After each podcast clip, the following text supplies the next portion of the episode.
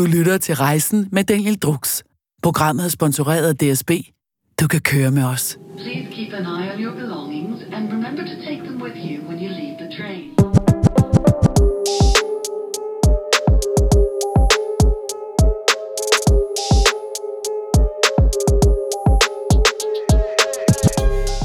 Velkommen til. Den her gang er det med en af mine yndlingsindivider fra Danmark. Det er platinhits, det er radiohits øh, på stribe. Det er et kæmpe stort trækplads til festivalerne og spillestederne. Det er den bedste rapper til at opleve øh, optræde live i Danmark. Det er en af dem, nok den med de fleste brækker rundt rundt med, rykke rundt med når det gælder. Og øh, den mest autentiske, mest tilstedeværende med alderen. Ja, det der. Og det tætteste, vi kan få på en, øh, uden at jeg skal sammenligne, men en JC i Danmark. Jamen, jeg har aldrig været vild med Jason. Kan vi ikke sige 50 cent uden skudhullerne? Det Okay, skal vi sige det? Skal vi sige det? 50 cent uden skudhullerne. Ja, ja, ja. Okay, lad os gøre det. Nej, det er kun fordi, han er bright. Ja, Ja. jeg kan godt føle dig. Men velkommen til, Liam. Tak skal du have. Det er jo øh, alligevel øh, noget tid siden, vi har set hinanden. Jeg sad Ja. og tænkte over, da jeg skulle lave øh, research til interviewet, sådan, hvornår det var. Og det, jeg tror sidst vi talte sammen, det var anden gang, dig og Christiane gik fra hinanden. Og det jeg har jeg ikke styr på, hvor mange gange vi gjorde det. Nej, men jeg, jeg, det var sådan, man, jeg så det bare i medierne en gang, og så kom vi tilbage, og så var der en gang til. Og så tror jeg, jeg sendte en eller to beskeder, og så blev der ikke svaret på dem, og så, jeg er jo sådan en type, jeg gider jo ikke at være sådan Nej, en nej, nej, pushy en. Og jeg har jo altid synes om dig, og jeg har altid mærket den samme gensidige respekt den anden vej.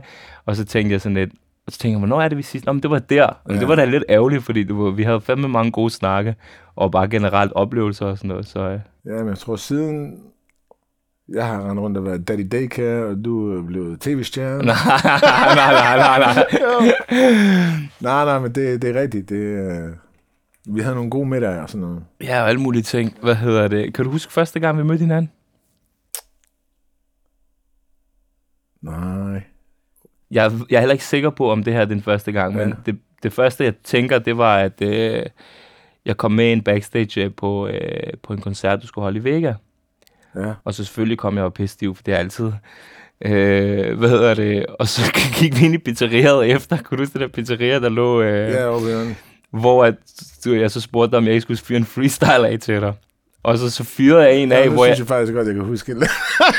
Fordi det, der så sker fem minutter efter, det er, at der ligger en ædru mand, du har jo stået med at drikke, nede på gulvet i et pizzeria, hvor der er rigtig beskidt, og ligger og flækker grin og holder sig i maven over, at du kan bare ikke, altså du ligger decideret faktisk på gulvet, og folk bliver sådan lidt fulde. Hvorfor ligger LOC på gulvet i et pizzeria, du Hvad var, ikke? det, hvad var det punchline var? Jeg Det var det der, jeg, Som en lå. ja, ja, jeg er ovenpå låg, du Ja. nedenunder hjul på et tog. Ja, eller et eller andet den Så, stil, ja. og du var bare færdig, og vi flækkede og grin, og det var bare sjovt, fordi du var, du var jo ædru, så du, du var nummer ædru, man skal alligevel lidt ekstra ekstra til, for at man ligger sådan noget og, og flækker. real shit. Jeg kan bare huske, det var sådan noget, okay, what the fuck is happening? Ja, ja, ja. Det var sygt. Og så, øh, det der så sker faktisk, det er, at du skal holde koncert dagen efter igen, tror jeg, eller væk eller sådan noget. Og så er vi derinde igen, og så siger du det faktisk på scenen, så siger du, bror, jeg mødte en skør mand i går.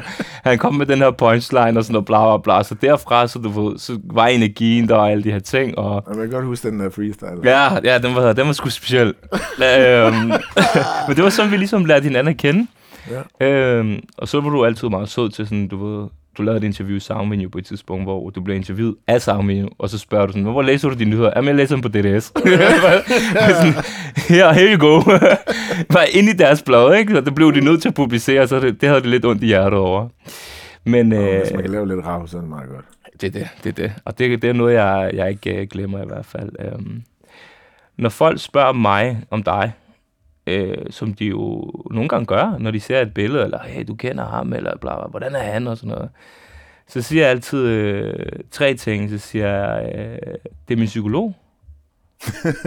ja. Fordi at nu har jeg prøvet at gå til psykolog og psykiater. Det har ikke hjulpet mig en skid, men de få samtaler, vi har haft, har jeg lært mere, end jeg nogensinde har lært hos nogle andre mennesker.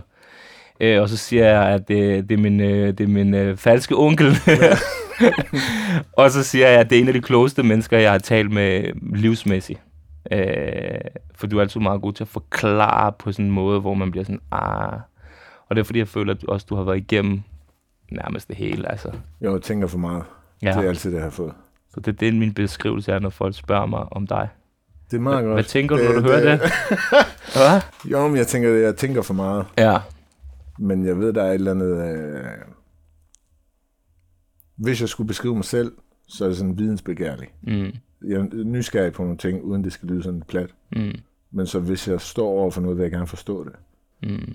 Og der tror jeg sådan, også i vores snakke har det været sådan noget, okay, men det der kan jeg godt genkende, for mig er det det her, og der er nogle ting, altså der er en masse fællesnævner, lige så snart man kommer ind omkring det der med at være en tænker, Mm. øh, at så er der nogle udfordringer. Og jeg tror, jeg har tænkt rigtig meget over dem. Også fordi jeg har haft tid til det. Jeg har jo ligesom ikke øh, sk- skulle med ind sådan noget øh, 8-4. Så det har været sådan noget med at være kreativ og prøve at dyrke ned i det der, altså noget pis, og så, så, så tror jeg, det har været naturligt. Ja. Jo, men jeg tror, der ligger noget i det. At når vi har snakket, har det været sådan noget med at lære noget fra hinanden. ja, men også bare... hvad er det, du beskæftiger Du, du har gør været det? i den der situation, i det sted i dit liv, i den sted i din karriere, som jeg er måske på vej hen, eller, ja, eller, eller noget, de her noget, parallelt med, personlige ikke? parallelle ting. Lige præcis, og der har det bare været for sygt, fordi du, så er der selvfølgelig også nogle få venner og noget familie, man kan snakke med, Ja. men det er som om, at du tager det til den anden level, og det har jeg altid været meget sådan fascineret omkring. Og så, så du har altid været sådan lidt, fuck man, fordi vi ikke har talt i lang tid, så har jeg skulle savne lidt det der med at uh, have de gode samtaler. Også de gode griner og sådan noget, selvfølgelig. Jamen, det er, for jeg har læst børnebøger. Ja. Det er det, jeg har brugt min tid på. Shit, hvad? Nå, hvad hedder det? Det blev et langt interview, hvor vi skal lidt rundt omkring. Normalt starter vi kronologisk fra start rejsen, du ved, og Ja. så kører vi den hen til, hvor du er nu, og hvad der skal ske. Men jeg har prøvet at lave lidt om på det, sådan så at øh, vi kører stadig en rejse øh, ting, men jeg prøver ligesom at tage hvert track og give den nogle emner, og så nogle spørgsmål ud fra det. Ja. Øh, men jeg vil faktisk bare starte med at sige, øh, fuck LOC. Ja, det er en god titel, er det ikke? Lad os bare starte der. hvad, hvad, hvad, tænker du, øh, hvad tænker du med det navn? Altså, det er jo navnet på, jeg må ikke sige album, måske vi kalde det mixtape. Nej, nej, det, ja, det er lavet lidt med udgangspunkt som mixtape, Ja. men det er et album. Mhm. Mm-hmm. Men hvis folk hører et LOC-album, så tænker nå, er det så, hvad handler det om den her gang? Mm. Så jeg vil hellere have umiddelbarheden i det. Så det er et, det ender med at være et album. Men det er nogle sange løbende. Lidt mixtape, lidt singler og sådan noget shit. Og det hedder Fuck LOC, fordi jeg lavede et nummer, der hedder Fuck LOC. det, det er den her mixtape approach, mm. så det blev mere med at lave en sjov punchline, eller lave et eller andet, der får folk til at grine i studiet, og i det, der ligger der med at spille smart, og lidt old school rap ting og sådan noget. I det var mm. der sådan noget med uh, Fuck LOC, at uh, mm.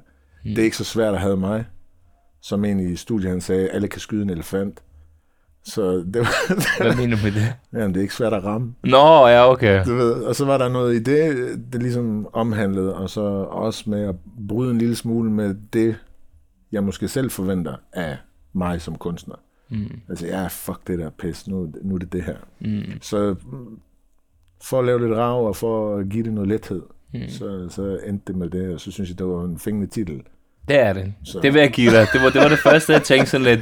Meget enkelt, men det er meget sådan, okay, det vil jeg gerne høre, det der. Det var fuck Ja, det- Ja, tænker, okay, det- hvad, hvad, det- han- hvad har han på hjertet her? Jamen, der skal være nogen, der tænker, at jeg gider normalt ikke høre det der pis, men det der ser meget sjovt ud. Ja. For alt det intrigante ind. 100 procent. øhm, men det er også det, du, jeg skrev faktisk i min næste spørgsmål, var sådan lidt, øh, man er jo vant til at høre konceptalbums fra dig, og det her, det minder jo mere om en sådan et, et godt produceret mixtape. Ja. Øh, og, øh, og så har jeg bare læst lidt, at det også har været en lidt smule tungt at lave øh, Ekokammer-albummet. Altså, du skulle virkelig ind nogle steder, som øh, var tunge, og, og, og det her, det var måske et nyt frisk pust for dig, ligesom at... Jo, men det var med ekokammer. Det er sådan, jeg vil ikke kalde det eksperimentalt, fordi det var det ikke, men det var det med, at jeg kan godt lide at lave et lydunivers, og dykke ned i noget der, udfordre mig selv en lille smule. Men det er en plade, der er lavet, mens jeg skulle lære at være kreativ, mens jeg havde min søn. At før, før jeg fik min søn, der var jeg i studie hver dag. Om det var juleaften, eller hvad det var, så var det, jeg skulle forbi studiet. Og så øh, har jeg jo ligesom tiden og overskud til, da jeg får min søn, at jeg vil gerne dyrke det, det er i, i de første par år. Og så blev det noget med, hvordan- fanden laver du så musik? Og det var sådan noget med at skrive på bagtrappen, mens jeg lige røg en cigaret, eller når han var gået i seng, eller et eller andet. Men så gjorde det, at jeg ville ikke skrive noget, der ikke havde betydning. Altså, det, det sagde mig ingenting at skrive et sjovt hook, eller Mm. et eller andet. Det, det skulle være noget af betydning, og hvad giver jeg videre til ham, og jeg jo selv i en proces af, hvad vil det sige, og man kan ikke helt finde ud af, hvor seriøst man skal tage sig selv. Og, så det der, samtidig med, at vi så lidt på hjemmefronten, uden at gå i dybden med det, kunne konstatere, at okay, det her, den her konstellation fungerer ikke, så nu skal vi have det til at fungere for vores dreng. Så der var en hel masse ting, samtidig med at så prøve at lave den her plade, og vi ender med at lave udkast og tage til Frankrig og indspille i et par dage, og så hjem igen, så den er lavet sådan øh, helt afbrudt. Mm. Og så da den kommer ud, så kommer den så ud i den samme uge som nyheden om, at øh, jeg ligesom er i et forhold, der er gået i stø- øh, stykker. Så der er ingen, der behandler musikken. Fordi det ligesom blev følger tongen. Uh, det offentlige forhold. Handler den her sang mon om hende, du ved? Og sådan, hvor det, nej, den har været undervejs i tre år. Øh, så hele det der, samtidig med at, ligesom at f- manøvrere i tingene på vegne af min søn, det var ligesom det vigtigste overhovedet for mig. Øh, og det gjorde, at, at musikalt synes jeg, Echo Kammer er helt fantastisk. Men den var ikke lavet med henblik på en playlist eller en radio. Eller det, var, det var okay, det her det skal have lov at leve for sig selv. Og så jeg ligesom var igennem det, lige før corona kom. Den Så, klassiske øh, sætning, ja, ikke? ja, ja. Uh, corona kommer så. Nej, men der var det egentlig ikke meningen, at jeg skulle udgive noget. Nej, nej. Okay. At jeg havde egentlig en plan om, at nu ville jeg spille det her live, og det skulle have sit eget liv, og så lade det stå lidt og finde tilbage til, hvad jeg gerne ville. Ja. Øh, og så, øh, så har jeg så, før mellem plader lavet mixtapes. Og jeg er egentlig lidt ked af, at mixtape-gamet i Danmark, det har aldrig rigtig været der. Altså Ja. en gang man kom der noget, men det var lidt et album, der alligevel var. Men jeg har altid skrevet det. Jeg tror, jeg har lavet tre mixtape-ting. Øh, Et digitalt og to fysisk. Så tænkte jeg, okay, men jeg bliver nødt til at have den der tilgang med at gå i studiet og lege.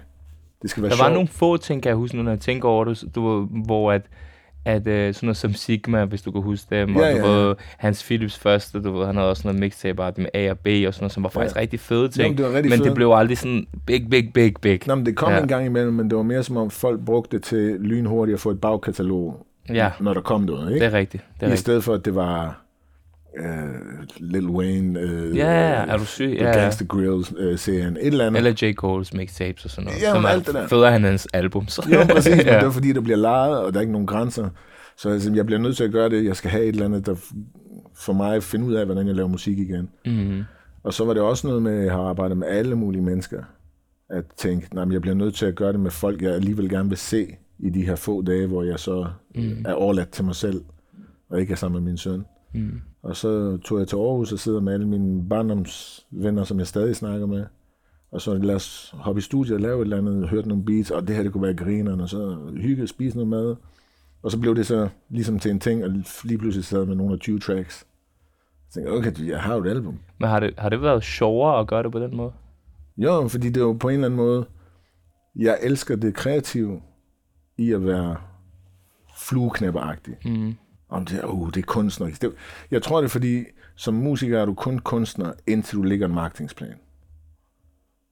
Ja, okay. Altså du er kunstner, du er kreativ. Du laver noget, der ikke findes, Ja, ja, ja. hvis ikke du laver det.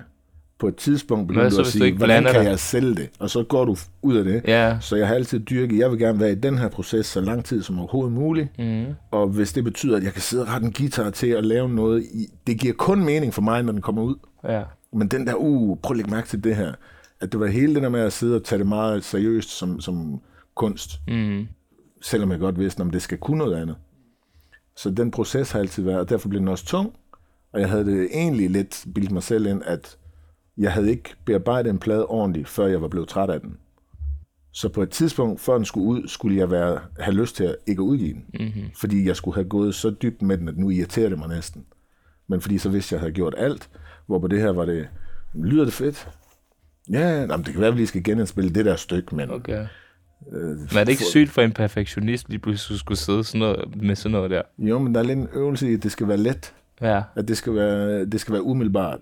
Og så fordi det er øh, rap-ting, fordi Mm. at jeg har altid taget udgangspunkt i rap, men Echo Kammer er ikke specielt en rap-plade. Mm. Det er jo en, næsten en rock-plade, noget af det og sådan Mm. noget, ikke? Så bare kom tilbage til det, jeg synes var fedt ved rap. ja. Øh, Også bare, når du vant til noget, ikke? Også bare når du er vant til at lave lidt komplicerede ting, og de der datter, så lige pludselig skal bare på din rap-ting, så det er easier måske for dig. Du. Jo, men jamen, jeg fandt jo så ud af, at der nogle gange, så har jeg skrevet et eller andet sted i studiet, og så sidder der en og lytter. Ja, hvad betyder det? Ja, Okay. okay. Så hvad mener du? Jamen det der ord, var det sådan, Nå, ja, okay, jeg har måske læst lidt for meget, hvor jeg tænkte, oh, øh, konditioner, du ved, et Ja, eller andet ja, ja. lort, ikke? Men det har været sådan, det var processen at lave det, gjorde, at det lige pludselig blev sjovt. Ja. Øh, og at det i virkeligheden så bare, øh, det skulle være noget, der fik mig til at smile og øh, genopdage lysten ved bare at lave det umiddelbart. Mm. Skrive fucking raps. En ny energi. Ja, i stedet for, at om det hele det skal betyde noget. Nu har jeg skrevet et nummer om nationalisme. Du ved. Har du, så, har du så tænkt over, når du har lavet det på det, på det nye album der, har du tænkt sådan, okay, hvis vi skal ud og spille det? Fordi du er Ja. jo en af de få artister, som faktisk altså sådan, går fucking mig op i, i live-optræden i rap. Altså, jeg, jeg tror, de alle sammen går op i det, måske bare ikke alle kan finde ud af det, du ved. Men, øh, Nej, nej, men, jeg men der er det virkelig der for mig, der er du, der er du, du ved, Jo, jo, men jeg, jeg så det lidt som, i virkeligheden havde jeg griner, når vi har lavet et nummer, mm. som er baseret på en joke. mm-hmm, jeg vil ikke sige for meget. Når folk hører den, så hører de den. Det er enten plat eller virkelig morsomt. Mm-hmm. Men det er i hvert fald blevet til en sang. Og så sagde er jeg, det til en af dem, der er med? Nej, det er noget øh, senere hen. Okay. Men det er et fedt nummer, synes jeg. Mm. Det kan noget, og jeg, da jeg sad og hørte det, tænkte, okay, hvis jeg skulle spille det her ved siden af de andre ting, jeg har lavet før, jamen det ville jeg godt kunne. Jeg har to ting, der mm. ligger i samme boldgade. Altså, sådan, så det, det ville jeg godt kunne. Og så sidder vi øh, smågriner og lortet i studiet, fordi det her, det er dumt. Det er et dumt nummer, men det er fedt. Og så får jeg lige så godt op for mig, hvis det her virker, så skal jeg høre på det resten af mit liv. så, Ja, du skal sikkert er det- også spille det jo. jo, jo, men så selv når jeg bliver ham der pensionist-typen, der øh, spiller a cappella shows Ja. for, for huslejen, du ved. Jeg skal stadig stå og synge det her pis, du ved. Fordi sådan har jeg, jo, jeg har jo haft det med sangen før. Ja, ja. Undskyld så, hvor jeg på et tidspunkt sagde, "Ej, nu gider jeg ikke den fucking sang mere. Ja, okay. Men så går det op for en, okay, men der står nogen herude i publikum, der ikke har været til koncert i et år, og de skal bare høre den der. Ja, ja, ja. Hvis jeg ikke spiller den, så synes de, jeg er nar. Og jeg tænker, okay, men så er det der, vi har mødt hinanden. Du ved. Så må jeg spille den. Ja, okay.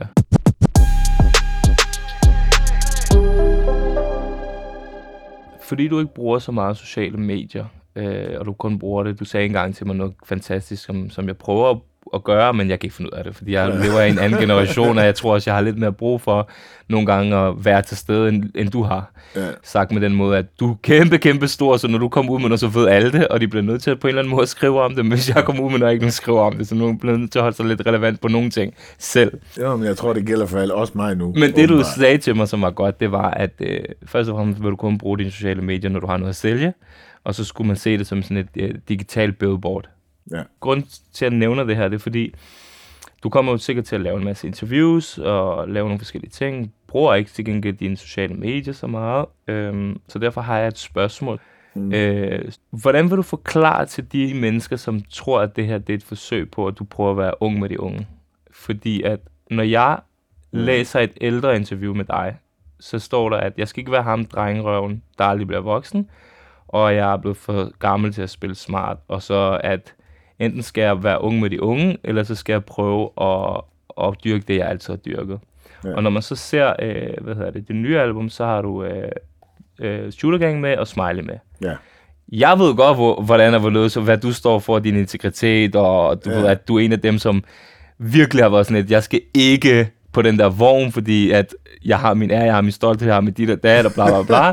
Du laver ikke den der Drake, hver gang han er ved at være wax, så tager lige en remix og laver og sådan klar igen, ikke?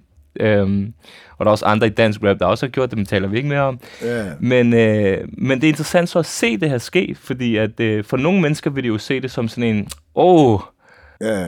nu, nu gjorde han det endelig, du. Han kunne ikke holde sig agtigt, ikke? Og, og, og hvad, hvad er dit svar til det? Jeg tænker, det er meget rart for dig at have et, en outlet som det her, hvor du faktisk kan sige direkte, hvordan du har det med det. Fordi hvis det ikke kommer ud, Ja, ja, så vil det jo bare ved- være sådan en ting, som bare folk tror. Så det jeg egentlig gør, som Ja. en god ven, Ja, ja, Ja, det var muligheden. Det, det er her, her. Grib den, grib den.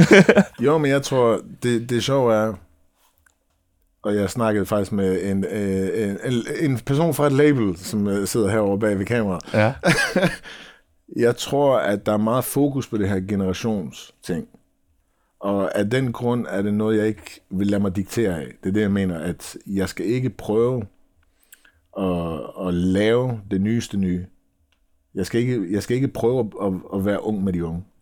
Hvor at hvis tingene tilkommer naturligt, mm. ud fra mit udgangspunkt til, hvad jeg laver, at det passer med noget andet, så, så tror jeg, det opstår naturligt. Mm. Øh, fordi jeg synes jo, der er en lige tråd igennem, hvordan rap er i dag, og hvordan det var før. Men der har også været et generationsskifte i lytter og i rapper. Og det betyder noget, at der skal være et skæld, fordi ellers kan du ikke få nye helte. Øh, der skal ske noget, som ikke er henvendt til mig. Mm. Der skal være en, en rapper, der lyder som noget andet end mig. Han skal endda tage afstand fra mig, mm. fordi ellers skal han måle sig med mig. Øh, men hans lytter gider ikke at høre det, deres far har hørt. Mm. Så der er det der skæld. Mm. Men at gå ind i det, om man er gammel eller ny, det tror jeg er en, det er en præmis, hvor jamen, det gør ikke noget for nogen. Hvor at på, på de her ting, med de features, der er, der med Shooter Gang for eksempel, jamen der havde jeg en session med Sade, og vi lavede nogle ting, og så kom Shooter Gang op, de skulle lave noget bagefter, og så lå vi bare computeren for tændt. Mm. Altså hvis I har lyst til at hoppe på noget, så gør I det bare. Mm. Fordi hvis det her siger dig noget, så er det naturligt. Mm. Jeg ved, det har sagt mig noget, for jeg har lavet det her uden dig. Mm. Og med Smiley for eksempel, øh, jamen der tror jeg, der er en... Jeg kan se en tråd med ham. Altså, jeg ved, hvordan Smileys lejlighed ser ud, uden nogensinde at have været inde i den, for vi kommer fra det samme sted. Vi har samme udgangspunkt, at jeg synes, han er dygtig, og vi har nogle ting til fælles, mm. som ikke handler om, hvorvidt det er, er trappet, det han laver, mm. eller det ene eller det andet. At alle de der labels, det får i det her generationsnød, mm. øh, dem har jeg synes var uinteressant. At det, jeg gider ikke melde mig ind i det, for jeg vil bare lave det lort, jeg laver. Mm. Jeg vil gerne have, at hvad end jeg laver i dag, bliver dømt på mig, og ikke på rap. Altså, det er rap, der er mit udgangspunkt. Men det er lidt ligesom, at jeg, hvis vi snakker musikbranche generelt, aldrig vil kalde mig den største noget som helst. Fordi jeg vil gider ikke at, at, at gradbøje den til rap, så jeg kan se større ud. Jeg vil mm. hellere se det i det store hele, og jeg er ikke lige så stor som Tim Christensen. Mm. Forstår du, hvad jeg mener? Ja, at det er sådan, Kim Larsen og sådan. ja, ja, når man, hvis vi snakker... Jeg forstår godt, hvad du mener. Ja. Er yngre, ikke? Og der har noget med, at en ting er at være fascineret af rap som MC, og hele subkulturen hiphop, som har betydet alt for mig, men som overhovedet ikke er til stede i ny rap. Jo, nogle få steder. Mm. Men at det er den rap, jeg synes, der er spændende. Mm. At den så gør sig på beats, jeg kan høre er inspireret af noget UGK-shit fra 90'erne, men som i folks øjne i dag er det nye shit. Mm. Jamen så, det må være deres definition. Jeg skal kunne se en tråd med mig selv i det, så det ikke bliver et generationsspørgsmål. Ja. Men jeg tror også, en stor forskel ligger i to ting, som jeg tænkte over, da jeg sad og sagde, nu kender jeg godt dig. Ja. Og altså, jeg ved godt, hvad du står for, hvem du er, og hvordan du er. Så for mig er det ikke noget, du ved, jeg sidder der, åh, oh, nå, no, se, nu, nu skal han lige være ung med de unge, yeah. og ved at falde fra, og bla, bla, bla, fordi så er det måske kommet lang tid før, måske endda også, hvis det var. Ja. Yeah. Forstår du, hvad jeg mener, du Men i hvert fald, det jeg lægger mærke til, det er to ting. Et, det er to for Aarhus. Ja. Det er Shooter Gang og Smiley. Shooter Gang er øh, sådan ret stor, du ved. Smiley ja. er på vej. Normalt, når folk, der er ældre generation, laver noget med nogle nye, så er det for at benefit sig selv. Og ja. det kan man jo ikke sige uden noget disrespect, men den med Smiley er jo ikke, fordi du får alt muligt for det. Mit udgangspunkt er, hvis du har lyst til at lave det her lort sammen med mig, og det popper off, så vinder du, og jeg vinder. Ja. Men jeg har ikke tænkt mig at prøve at købe nogle streams ved at hive dig på. Ja fordi det virker stupid. Jeg synes, det falder fra hinanden, og jeg, jeg synes også, folk kan gennemskue det tit. Ja, ja, det altså, kan man sagtens. Jo, men også lytteren. Men, men lad mig lige stille dig et sjovt spørgsmål, hvis, øh, hvis øh, der bliver sagt beløber fra alt fra 30 til 50 til 100 til 150 til 200, ikke? Hvad ja. koster så et vers for LOC? Øh, 0 kroner. 0? Ja, hvis du er det, så skal du give mig en halv mil, tror jeg. En halv mil? Ja, for det er god reklame. Ja, okay. Det kan du ikke bruge til Ja, okay. Så Nå, du åbner men... først munden til det, hvis det er, du ja, det, der ja, men, kommer parter. jo, jo, men det var igen, fordi hvis det var subkultur i hiphop, så er det, det er battlekultur. Ja, ja, ikke? præcis. Og det kan jeg godt lide. Jeg har været med i noget des ting. Ja, ja. Lige så snart, at det skifter fra at være et spørgsmål om hiphop og subkultur og rap, ja. men et spørgsmål om, du står til mm. at høste på, at jeg har eksponeret mig selv så meget, at der er nogen, der automatisk vil synes, du er cool ved ikke at lide mig. Mm. Så er vi ude i sådan noget... Det kan ikke bruge til noget. Nej, nej, nej. Så skal jeg have en respekt for dig som rapper, der gør, at jeg synes, det her det er et eller andet. Du ved sådan noget, ikke? Ja. Men som udgangspunkt har jeg aldrig nogensinde taget en krone for at lave en feature. Mm.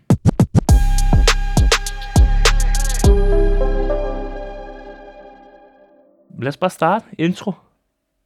Yes. Det er jo også starten. øhm, det er også en original har... titel, er det ikke rigtigt? intro.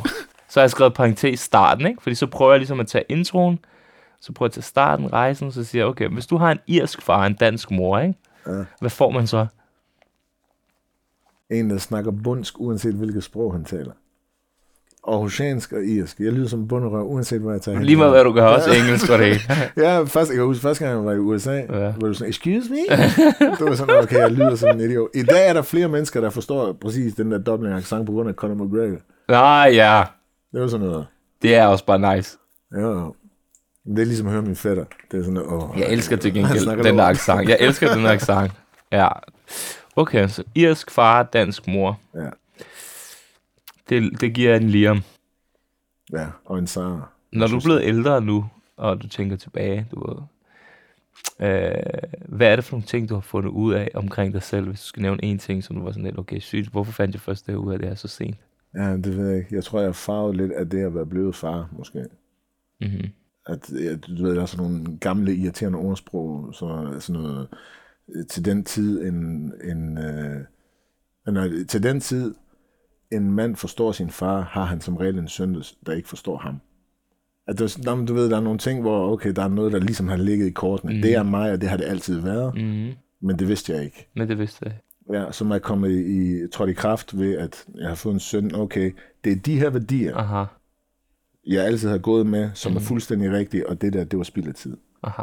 Der kommer et eller andet. Ja. Så, Så har du også fået den der, jeg fik det faktisk ret sent, hvor jeg begyndte at sige sådan okay, nu er det først fucking nu, efter jeg er 28, du var ja. 32, var sådan lidt, oh, det er derfor, jeg er sådan der, på grund af min far er jo sådan, min mor er sådan, ja. hvor du begynder at stoppe op og sige, det er først nu, jeg er begyndt at have de der samtaler med dem i den alder. Ja. Der med ung og sådan teenager, whatever, der var fucking ligeglad jo, med alt jo. Ja, ja. Og så bliver man lidt ældre, så har man de her samtaler, finder man, ah, okay, ja, der, derfor er jeg sådan der, derfor er jeg sådan der, derfor er jeg stadig på grund af min far, derfor er jeg sådan der på grund af min mor. Det var bare, ja, ja. Ramte du også den på et tidspunkt, hvor du tænkte, eller du ved, Jo, jo, nå, men der var sådan noget i... Heldigvis, jeg synes selv, at jeg havde luret den tidligt. ja, okay. Øh, jeg fik sådan noget, og det er sjovt, jeg havde en lang snak med min mor om det, som tror jeg var alt muligt spirituelt, men det 28. år er først der, du begynder at definere det her liv. Okay. At indtil det 28. år, der repræsenterer hver år en reinkarnation. Det kan man tro på eller lade være. Sådan noget. Sygt. Men omkring 28 til 30, der gik det op for mig, at da min far var den alder, der havde han en dreng på 5. Mm. Og det vil sige, så havde jeg et andet pejlemærke, der hed, jeg blev 33. Nu er jeg ældre, end Jesus blev. Mm-hmm. Og det gjorde, at jeg kan ikke opføre mig som en idiot. Fordi det ville svare til, at min far havde gjort det, noget stupid ass lort, da jeg var syv. Ja, okay. Og endda også i forhold til det der SoMe, Ja, ja, ja, det, det der selfie-helvede. Ja, Ja, jeg tænkte, jamen hvis jeg gør det nu, sidder og tager en selfie, Mm. jeg skal lige se godt ud, Ja. så finder jeg det rigtige filter, og nu lægger jeg det ud til nogle mennesker, jeg ikke kender, i håb om, de kan lide det. Mm. Det vil svare til, at jeg i en alder af, hvad er det så nu, 16, var kommet ind ad døren derhjemme og havde set min far gøre det, så var jeg ikke blevet den mand, jeg er i dag. For så mener der er en Ja, energi, forstår der godt, er en eller anden øh, øh, usikkerhed forbundet med det for mig, hvor, nej, men, nej, nej, han, han Hvis du så din far gøre det, ville du ikke være sådan, som du var. Ja, Ja, ja jeg hvis forstår du var godt, hvad du 16 år gammel, du kom ind ad døren, din far han sad og lavede uh, dogface det i Ja. yeah. telefon. hvad du mener? Forstår. Nej, men der var noget, hvor jeg begyndte at sammenligne mig selv med, når man, hvor, hvor var han henne? Mm. Hvad for nogle Jeg- ting gik han op i? Hvad for nogle ting snakkede jeg han kunne om? også have gjort det med min mor, Ja, ja. Men, men der var et eller andet okay, jeg, der er noget, jeg blev installeret i mig, som er helt gammeldags, men mm. jeg skal være forsørger, jeg skal tage mig af min familie. Mm. Fordi min far som langtidschauffør, det var sådan, jamen, han er aldrig hjemme. Mm. Nej, nej, men vi har tag over hovedet, og det har jeg tilskrevet alverdens værdi. Mm. Øh, Du ved, om jeg så ville ønske, at han havde været der noget mere, og alt, men det, det er pisse lige meget, fordi mm. det her er sådan, verden er, og det er det, en mand, han skal gøre. Mm. Det, jeg har taget med fra min barndom. Mm. Og det, det begyndte jeg allerede med der. Så okay, men jeg, har, det, jeg havde ikke barn. Mm. Men når jeg får et barn, Mm-hmm. så skal jeg forsørge det. Jeg skal, jeg skal arbejde ikke bare for mit eget ego. Mm. Ikke bare fordi det er fedt at stå på scenen og tage sig i skridtet, og der er nogle piger, der jubler herovre. Nej, nej, det her, det skal give mening mm. for en familie. Mm-hmm. Og jeg tror, det det var der. Så var det sådan, øh, det var omkring den alder også. Mm-hmm. Og så er jeg bare gået ud af den vej på en eller anden måde. Tror jeg. Ja, forstår. Altså, Det- jeg, jeg er pisse egoistisk. Jeg er rigtig narcissistisk. Og lige så snart jeg står inde på scenen, så tænker jeg, åh ja, det er mig. Ja, ja, ja. Storhedsvandvid, ikke? Men, men det er sådan, i alle andre aspekter, der skal det her fungere som det. Men det er jo også rap og konkurrencesport, og du ved, det, du bevæger dig i, og du, du skal også hive dig selv op. Der er jo ikke nogen andre, der kan hive dig op i sidste ende, jo. Ja, Ja. Altså, men det er rigtigt, jo. Og så er der også stor forskel på selvtillid og selvværd, jo, ikke, kan man sige. Jo, jo, altså. Men det, det kan vi altid have en anden snak om. Hvad hedder det? Så intro starten rejsen. Liam, irsk øh, far, dansk mor. Aarhus V. Hvad er det korte svar for, hvad det betyder for dig? Det Albummet er jo rimelig meget. Jo, jo, men det er... Hey, vi, du, vi er stadig Jamen, det, det, herfra. det, det er stadig de mennesker. Det er stadig... Øh, øh, der er en, øh, noget video øh, til og Smileys nummer. Jamen, det er skudt i et kælderrum, hvor der fungerer som, som frisørsalon ude i Gellerup og nede foran vores gamle ungdomsklub i Bisbjerg. Han har tjent mange penge i corona, tænker jeg. Ja, men han havde det fint. Du ved. Han, han sælger også fugle, jo. Men, Okay. Nej, men Sælger det var, fugl. Nå, det var det, jeg så i, øh, i uden filter, det der. Ja, ja. Var det der noget? Ja, ja. Ja, grineren. Men det er sådan, øh, for mig var det mere, at da pladen opstod, hvor det hedder, når, jamen, da jeg startede med at rap, der følte jeg jo, at jeg stod på mål for alle mine venner. Der var ikke rigtig mange af dem, der rappede. Der var Nej. ikke nogen, der fortalte vores historie. Altså, det er samme udgangspunkt, alle Mm. rapper har. Der er ikke nogen, der kender det rigtige herfra. Ja. Ja. Det er sådan noget shit. Ja. Der havde jeg det samme, og der var sådan, ja, okay, men de mennesker, jeg følte, jeg talte på vejen af, det er stadig mine venner. Mm. Det er stadig dem, jeg ser med, men vi er voksne mænd. Mm. Det er folk med firmaer og hus og øh, succes. Nogle folk har oplevet det modsatte. Jamen, det er os, jeg taler på vejen af. Mm-hmm. Og der blev det til sådan en, okay, men det er det Aarhus V, vi vokser op i. Mm-hmm. Fordi i dag er det noget helt andet. Altså, vi voksede op i en bydel, hvor der faktisk ikke havde boet nogen rigtig før vores generation. Mm-hmm. Så alle var i samme båd. Mm-hmm. Hvis jeg tog i byen, og der var problemer, jeg skulle bare have øjenkontakt med en eller anden ude for Gellerup. Mm. Jamen, han er på mit hold, fordi jeg er på dit hold. Og, Mm. og i dag er det sådan noget grupperingsnoget, men det var det ikke dengang. Så på den måde, så er det sådan, det er måske sådan lidt øh, nostalgisk. Men når du siger det der med at stå på mål, så kommer jeg til at tænke på, at jeg og kigger lidt på mine noter, hvad jeg har skrevet. Fordi jeg kan huske dengang, øh, da jeg var ung, der er jo ikke overdrevet, jeg tror, der er ni år mellem mig og dig. Ja, det er omkring. Ja, 41 og 32. Jeg fylder 33. Så jeg kunne jo godt huske dengang, at når man var on the block, og man ikke lyttede til dansk rap, og man synes dansk rap var til Det var noget bullshit, ja. Bullshit! Men du skal være heldig her, okay? Fordi LOC og Suspekt, dem kunne man godt lytte til. Det var sådan der, du ved, det var sådan, ah, okay, de er gode nok, de der. De der, de er gode nok. Men dansk rap, det lytter man kraftedeme ikke til. Og det kan bare på, det problemet er bare, du ved, altså nu om dagen, ja. der er det sådan der, fordi der er kommet penge i det, ja. så er det blevet sådan en ting, okay, jeg vil gerne være rapper. De unge vil gerne være rapper, de vil gerne, du ved, også fordi der kommer social media, der kommer dit, dat, du ved, lige pludselig er det ikke lyrikken kun, det er ikke det der med at være kunstner, det der med at kunne, Det en men det er det der, det er en hustle, du ved, Ja. okay, jeg har hørt ham, han har lavet en mil her, eller de, der, bla, bla, bla, okay, så skal jeg også, men dengang, der var det sådan noget, folk grinte jo af folk, der var rapper, Ja. og det kan jeg tydeligt Ja, huske, jeg fordi det var sådan, fuck ham her herovre, ham er, der begyndte at rap, tror du, Tupac og sådan noget, ikke? Men så når du siger, at du stod på mål for alle de ting, og da du kom frem og sådan noget, kunne du, kunne du huske den tid, hvor det var sådan lidt, altså, hvordan havde du det? Fordi på den ene side, så var det sådan lidt, okay, det var det, du ville, og du Ja. bare, du, men på den anden side var folk bare sådan lidt, fjern lige ham der frem, og du ved, altså, det var men der tid, var- måske var det anderledes i Aarhus, fordi I har også altid været lidt anderledes i Aarhus, du. Det var altid Westside, og I Jamen, var det lidt jo- mere... Det skulle være West Coast det hele, Ja. men det var jo ikke inde i Aarhus. Nej, nej, det, okay. Men det var det, jeg mente. Der var en hiphop scene, øh, det har der været i mange, mange år. I Aarhus var Ja. den sådan lidt øh, jovial. Det var sådan lidt øh, skørt, lidt skægt. Ja. Øh, og der var ikke så mange, mange der ligesom var sådan noget øh, truth storytelling øh, ting og sager. Så det vi ligesom gik i gang med det, der var det jo, vi følte jo folk fra København, de kunne bedre lide os end folk fra Aarhus.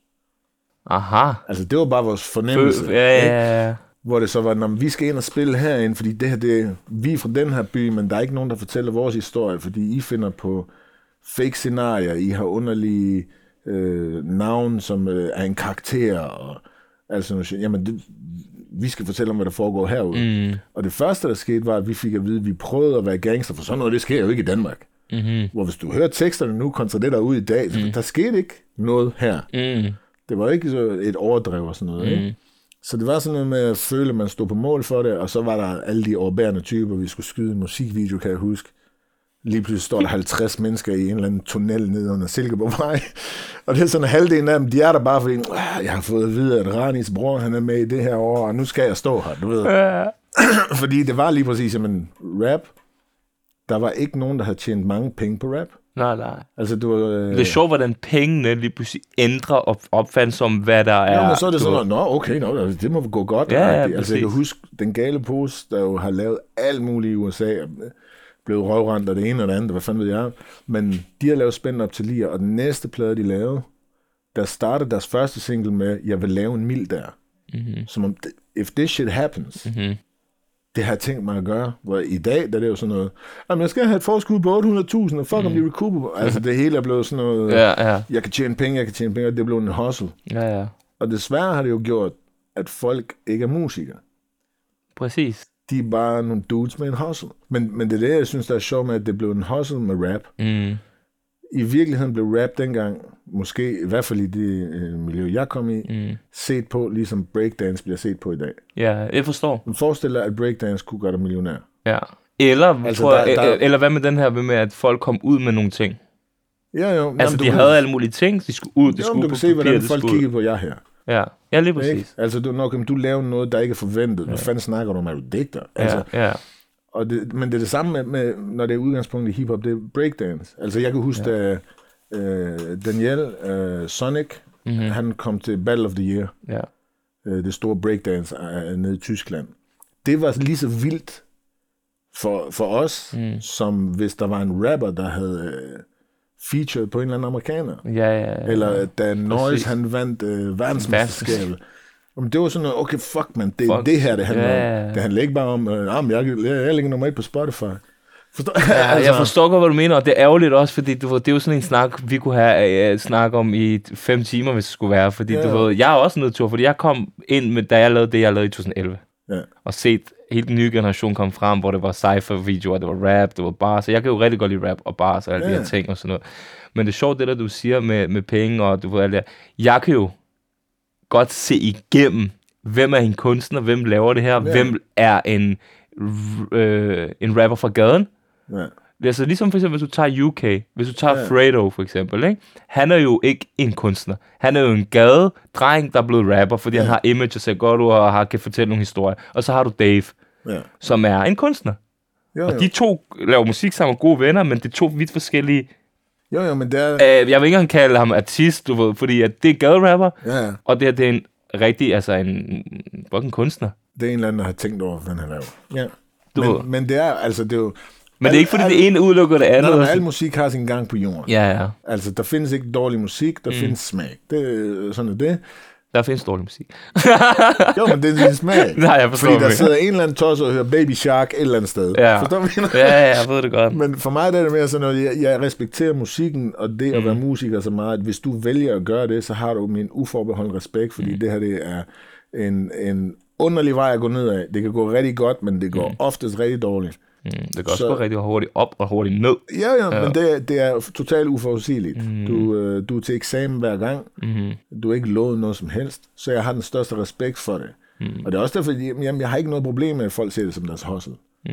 Men for mig, der, der, der er det sådan noget, du, beder mig, øh, du fortæller selv mig, hvor højt jeg skal respektere dig som musiker. Ja, Så ja. hvis du stiller dig frem og siger, at jeg er egentlig ikke musiker, nå okay, så behøver jeg ikke forholde mig til det. Ja, ja, præcis. Så er det fedt, du har lavet en god sang.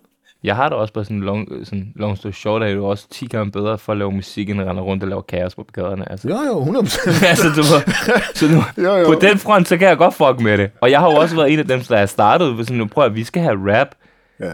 til at, og også bare dansk rap, men også nye generation, og du ved, generelt rap. Du ved, da jeg startede, du spillede ikke rap i, i, på diskotekerne, spillede det dårligt nok i radio, Ja, ja, medmindre der var et eller andet helt mainstream. Nu er det jo sådan noget, når du går på Spotify, altså så Gilly større end Drake på Spotify, forstår du, hvad jeg mener? Ja. Og det er en syg tid at leve i. Sådan, du ved, what the fuck, vi spruller vi lige nogle par år tilbage, så var det de samme mennesker, der bare, du ved, stod og rappede Ja, og hyggede. Og, cypher-ting, ja. det, der, det der, jeg mener, så du ved, for, for mig, det der med, folk siger, at oh, men nu er det blevet kommercielt, kommercielt, og nu er det blevet mainstream. det. Bro, det, det der er nice.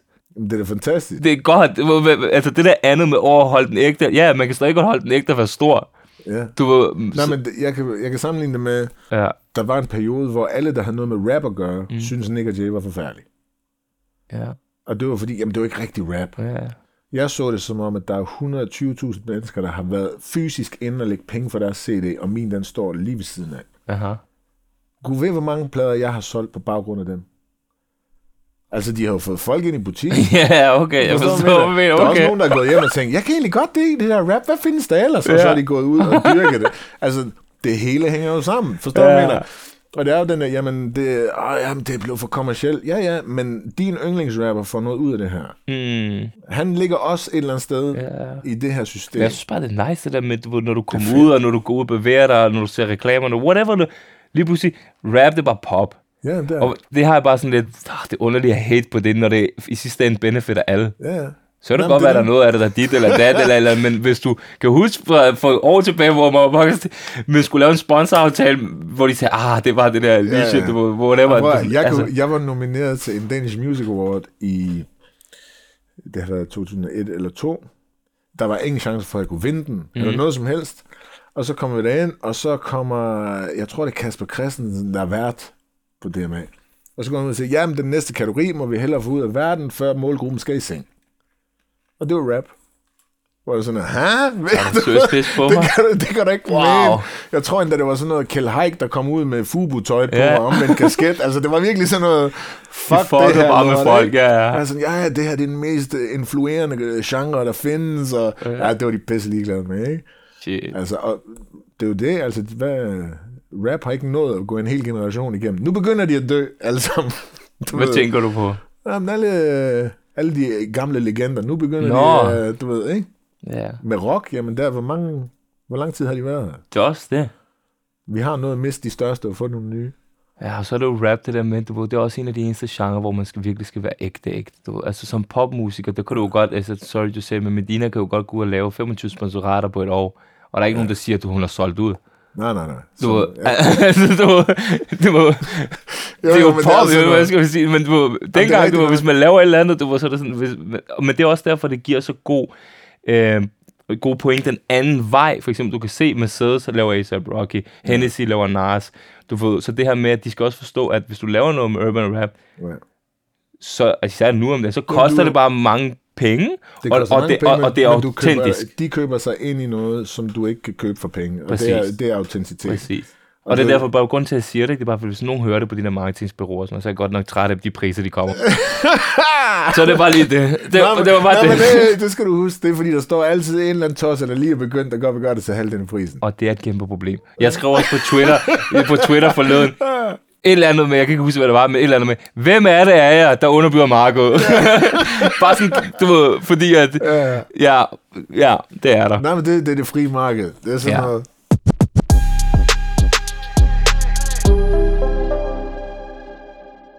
Du har været her i to årtier, Ja. hvilket er kæmpe sindssygt. Altså sådan, øh, man siger i fodbold for eksempel, at det sværeste, det er at være consistent. Ja. Du, du kan, det er nice nok at være varm i to sæsoner, du ved, det er easy nok. Ja, ja. Men kan du blive ved med at være ligesom Messi og Ronaldo, du ved, og bare blive ved med at lave basser hver sæson? Ronaldinho var også den vildeste fodboldspil, men ja. han var det måske været i tre år eller et eller andet. Desværre. Desværre kun. Det er det. Ja. Så du ved, hvad, hvad er din nøgle til, til den her succes? Jeg tror, det handler om at finde ud af, om du er musiker. Mhm. Mm-hmm. Altså, mine to første plader er meget rappet. Mm. Tredje plade begyndte for mig at blive spørgsmål. Jeg var ude at spille. Dem, ham, der står der, er hiphopper, men det er hende der ikke. Mm-hmm. Men det er den her forbindelse, det handler om for mig. Mm. Det handler ikke om at leve op til et dogme, Mm. hvad der er ægte ifølge rap. Og mm. Det handler om, at det her musik, mm. det er mit ærlige udtryk, mm. og hende der kan genkende det. Så er det jo lige meget, hvad hun dyrker. Så der blev det et spørgsmål om at lave noget, som, som fodrede den energi. Mm. Og, og lige så snart det blev det, så blev jeg nødt til lidt at stille mig udenfor også at være hiphopper. Jamen, jeg bliver nødt til at være musiker. Og hvis det her skal være noget, der giver mig noget på lang bane, så skal jeg jo ikke løbe rundt og følge en trend, eller lade mig hæmme af, at øh, du ikke må synge, øh, synge din omkvæd, eller du kan ikke lave noget med, med et pop-act, eller et eller andet pæs. Mm-hmm. Jeg, jeg skal gøre det, jeg synes, der føles rigtigt for mit udtryk. Mm. Og det resulterede i, heldigvis, kan man så sige, at folk også synes, plade nummer 4 var spændende.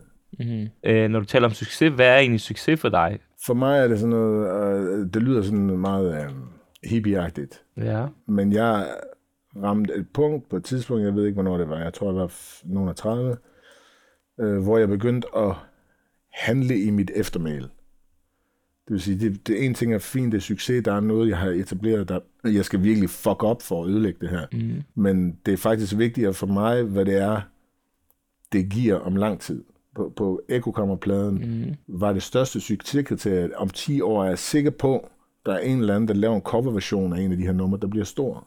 Mm-hmm. Det er mit eftermæl. Et eller andet. Ja, ja, Jeg tror, i lang tid var min øh, succeskriterie, det var øh, økonomisk frihed. ja. ja At jeg kan vågne om morgenen, og hvis jeg har lyst, så kan jeg tage øh, til socialerne. Ja, og så finder du den økonomiske frihed, den rammer rimelig godt. Ja, du behøver ikke så arbejde man- nogle par og Så får år. du et barn, Ja, og så bliver det lige pludselig, okay, hvad fanden handler det nu om?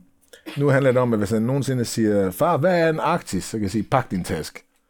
Altså, Ja, okay. altså at give noget videre. mm-hmm. I virkeligheden, så, så det- fornemmeste, jeg kan gøre i livet, det er at give min søn mulighed for at realisere sig selv, hvis han skulle vælge at gøre det. Altså det er... Jeg kan ikke tvinge ham til noget, jeg vil ikke tvinge ham til noget. Mm. Øh, men jeg kan, jeg kan forhåbentlig øh, stå ved siden af, når han selv gør det. Mm. Og der er et eller andet i det, når, okay, men hvad skal jeg så bruge for at gøre det? Det aner jeg ikke, men det er i hvert fald ikke et Rolex. Nej, nej, præcis. Det er 100. Bror, det er også det samme, altså, det er det samme, jeg siger med hensyn til for eksempel penge, som faktisk er den, det næste, øh, jeg vil Ja. snakke lidt med dig om, fordi at, øh, hvad du værd jo, ikke? Øh, og for alt det her corona, du ved. Ja, men nej, jeg har altid, jeg har altid sagt sådan her, om jeg har, om jeg har øh, 5 millioner på min konto, eller om jeg har øh, 100.000. Ja. Du ved, okay, der er stor forskel. Men du ved, forstå Men mig ret. penge, jo. Jeg har det sådan lidt, penge, det betyder noget, hvis det er, du ikke har dem. Ja. Og hvis du har dem, betyder det ikke så meget, for det kommer ikke til at ændre min fars dårlige vaner. Ja. Nej, nej, Han kommer præcis. stadig til at ryge smøg, han kommer stadig til at tage på, på dæk og drikke en bajer dit og dat, han kommer stadig til at være en sted i serber. Han har også virkelig mange gode sider, jeg elsker ham rigtig meget. Ja. Men hvis jeg havde penge på lommen, så ville det faktisk forværve alle de ting. Ja, så vil du lige Som- pludselig, hey. Du Og det er det, vil folk ikke, det er det, folk først måske, nogen kommer aldrig til, nogensinde til at forstå det. Nej, Men jeg tænker, der, der er meget sundt og rest. Øh, det må være tak til mine venner, familie og forældre, at de på en eller anden måde har fortalt mig underliggende det, fordi at, Ja. hvis jeg havde de penge, så ville det stadig ikke stoppe min penge. Det, det, det, det, det går ikke ind og fjerner de indre ting helt ind i folks nej, nej. whack sider, dårlige sider. Du ved, det kan gøre en masse ting lettere. Men, 100%. men det er ikke fordi, at penge, du ved, det gør et eller andet. Wow, altså, jeg har haft mange penge på kontoen, hvor jeg har været down Ja, i lorten. Og så har jeg haft ingen penge på kontoen, hvor jeg har været fucking glad, sund og rask. Ja. Altså, og har haft det fantastisk. Øh, men som jeg sagde også fra start af, det hvis du ikke har penge, så betyder penge meget. Ja. Altså, så er 100 kroner fucking meget. ja, Men hvis du har, så er det ikke det, der afgør, om du er succesfuld eller lykke, eller whatever, alle de her ting er. Jamen, så det bedste, kan gøre, det er at sørge for, at du er på plads og har det godt uden dem. Ja, præcis. Og så er det en forsøgelse af tilværelsen, og der er mm. nogle ting, der bliver nemmere med det. Mm. Men de ting, de, det er man jo slet ikke, hvis du ikke har det godt med dig selv. Nej, altså, fordi så, du, i sidste ende, så stræber du også efter mere, mere, mere, mere, mere. ja, ja. Og i sidste ende, så du ved, altså, så har en bil fire hjul, altså du ved, den kører fra A til B. Altså, det, det, det er den Det samme. er lige meget, hvad det er for en. Det handler om det, som når du skal lige tænke dig om, okay, øh, skal jeg have det luksus, mens jeg gør det her? Er det en prioritet? Præcis. Eller, altså, Ja, men jo, men, men, men tracket, hvad du er, handler jo egentlig om, at det er ikke det der lort, det handler om. Det er, hvem er du værd, er du, hvad er du værd som person? Det er Ja. fint, du har alt det her. ja, ja, Men hvad, hvad, hvem er du som person? ja. Jeg dømmer ikke en person på hans øh, indkomst, eller hans penge, eller noget som helst. Jeg er bedøvende ligeglad. Mm. Fordi jeg har mødt rigeligt med mennesker med rigtig, rigtig mange penge, der er nogle fucking idioter. De fleste er. Sorry. Nej, men fordi når du begynder at få meget, nej, men du, du bare en ting. Når du begynder at få flere penge, og begynder at blive mere selvfølgelig, der, du så begynder folk også, deres dårlige sider begynder at komme frem, jo. Jo, jo, men jeg har også, samtidig, jeg har også mødt folk, som, som har ekstremt mange penge, hvor alle fordomme siger, at uha, det er nogle Ja, ja, fuckhud, hvor det her det er nogle af de mest hjertevarme mennesker, jeg har mødt. Ikke? Selvfølgelig. Så det er mere Jeg ser bare størst det.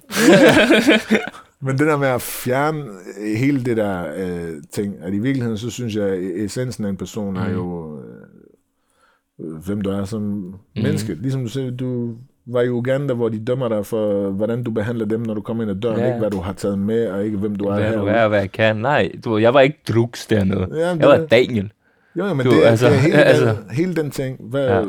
Det var også til gengæld en dag, hvor jeg bare stod og smilte og fik lidt tøjerne af glæde, hvor det sådan lidt, wow, hvor er det egentlig nice at være her og blive bedømt direkte ud fra øh, ens personlighed og hvem man rigtig er, hvor man nogle gange i Danmark godt kan få at vide nogle irriterende ting, som man tænker, okay, det her det er, hvad jeg føler inderst inde af mine gode sider. Ja. Men man får at vide, fordi man bor i et samfund, som er sådan lidt jantelov og alle mulige andre ting, eller du ved, man fylder meget, whatever. Nå, fuh, du ved, ikke? Ja. Så, du, åh, du ved, så var det bare rart at få den der, for det er den oprigtige, ægte anerkendelse. Og Ja. det er også den anerkendelse, man burde søge efter. Fordi jeg kan da heller ikke komme uden om, at selvfølgelig du ved, søger man alle mulige underlige anerkendelser, uden man selv Ja. tænker over det, som i sidste ende faktisk på en måde er whack. Men man kan ikke gøre for det. Du Nej, ved, nej, men det, det er sådan en, det er noget i ens barndom, sikkert noget i ens dit, noget i ens der, et eller andet. ja. Du ved, især i den kultur, vi kommer fra, og det miljø, vi er opvokset i og sådan noget. Jo, men der er noget Så vil der altid noget være ting, noget, der ligger dybere end dybt, Ja. Jo, jo. og som er svært ved at lægge fra sig. De emner behøver vi ikke komme ind på. nej, men det- Jeg er helt men, med. øh, men, men okay, så hvad du værd? Øh, jeg har snakket lidt om det, jeg havde sådan et spørgsmål, sådan, hvordan har du det med penge og sådan noget, og sådan noget med, har du oplevet at bruge flere penge, end du havde? Det har du, det har jeg hørt dig rappe om, tror jeg også. Jo, I de jo. gode gamle tider, hvor man skulle sove på sofaer og alt sådan noget. jo, jo, men jeg har, jeg har prøvet at have mindre end 0. Ja, Øh, livet fortsat. Mm. Øh, det ene og det andet. ja, Jeg synes, mit forhold til penge er, at jeg synes faktisk, de er sjovere at tjene, end de er at bruge. sjovere at tjene, end de er at bruge. Jo, jo, fordi at hvis, hvis det kræver et eller andet at gøre, så er det jo noget, du skal præstere. Mm. Og det er noget, der, der giver mig en form for fyldsgørelse. Ja, jeg har sådan fire spørgsmål, der minder lidt om hinanden, ikke? Jeg prøver ja. at dreje den ind til et, Okay. okay. okay? Hvis du kan huske dem. Jamen, jeg prøver. Den ene ting, det er, at du siger øh, på, på tracket, jeg ligger med de penge, for det er ikke mine. Ja. Så, så må jeg bare lige tænke om, at jeg tror, at det er det, du mener, som jeg tror, du mener. Og så tager vi den næste. Øh, om der ikke mangler nogle gange nogle, øh, øh, sådan, nogle rådgiver til artister med deres penge, fordi du ved, mange mennesker, sådan noget, artister, sådan, hvis du skulle sige til din Young Jeezy Aarhus, hey, der findes altså noget, der hedder 360 deals, der findes altså noget, der ja. hedder advance, lad mig tage den for høj, du og økonomisk rådgiver, og nu tænker label-folk heroppe bag i, du skal lade være med at stille sådan nogle her spørgsmål, fordi det skal de bare ikke vide en skid om. Men Ja. øh, det er jo lidt du ved, som at gå i banken nogle gange og gå op til label, men til gengæld, hvis det går godt, så er det jo godt for alle, og sådan noget. Og hvis det ikke går så godt, så er det ikke så godt for label, men det er heller ikke måske så godt for dig, fordi så skylder du måske nogen på nogle steder. Men øh, og i Sverige er det ret interessant, fordi der er rigtig mange, der er independent jo. Hvilket er helt vildt interessant. Så jeg drejer den sådan lidt rundt, øh, og grund til, at jeg nævner alt det her, det er fordi, jeg hører den linje, der hedder, jeg er ligeglad med de penge, for det er ikke min. Det er sjovt, du siger. Det, det sjove er med alt det her med... Nu drejer jeg den hele vejen rundt, Jo, jo, og vi kan men- godt men- gøre den kort. Nej, nej, men hvis vi tager udgangspunkt i, at, øh, hvorvidt jeg kan rådgive nogen, Ja. det er jeg ikke sikker på, at jeg kan. Mm. Jeg kan komme med, med, med, med en, en øh, observation eller et eller andet shit. Ja. Men, men, men tingene er i konstant øh, ændring. Ja. Alting ændrer sig så hurtigt i musikbranchen, Mm-hmm. at hvis jeg sad og forklarede et eller andet helt præcist lige nu, så kan det se fuldstændig anderledes ud om, om, om et par måneder. Ja. Jeg øh, synes, jeg har lært ud fra øh, musikbranchen, du skal finde ud af, hvad du vil give afkøb på, ud fra, hvad det vil give dig. Mm. Øh, et eksempel er, at de Dansk Musikforbund øh, lader dig få din første kontrakt til gennemlæsning, Mm. og når du så får den tilbage, så er der gul linje på alt det, der burde være anderledes, eller kunne være anderledes. Mm. Og når du får den tilbage, så er det ikke et spørgsmål, om du skal gå op til nogen, og så sidde og sige, alt det her skal laves om. Jeg vil godt prøve, men i virkeligheden, så det du har fået, det er, hvor mange af de her gule linjer kan du tåle? Acceptere, ja, ja. Og, og i det, der ligger noget, i, jamen vi giver alle sammen afkøb på noget. Mm. Øh, jeg tror på at være independent, men det er meget tit, at den snakker om, hvad vil du helst have? Mm. Og hvad passer ti- til dig? Hvad vil du have? 10% af en million, eller 100% af 100.000? Mm. Det er det samme beløb, du ender med nogle gange. Mm. Men herover der er nogen, der arbejder for at gøre det større. Mm. Herover skal du selv trække læsset, og det er ikke sikkert, du kan, uanset hvor godt du gør det. Mm. Så det er noget med, øh, det er ligesom alle andre erhverv. Jamen, mm. der kommer til at være noget, du skal give afkøb på, og sådan nogle ting, og så kan du have en masse succes, og der er mange, der er drevet af den her, jeg gør det selv, mm. og det er fantastisk. Men det er hårdt. Men det kunne være bedre for dig, for det du laver, for det du holder af, sandsynligheden for, at du kan bruge det i virkeligheden, og stille dig ved siden af en person, du ikke kender. Mm. Men det er fordi, vi nåede til det der med, hvad du er. Jeg ved godt, det handler om Ja. noget andet, vi snakker om penge, og du, du snakker meget om penge på dit, på dit rap. Altså ikke kun det her album generelt.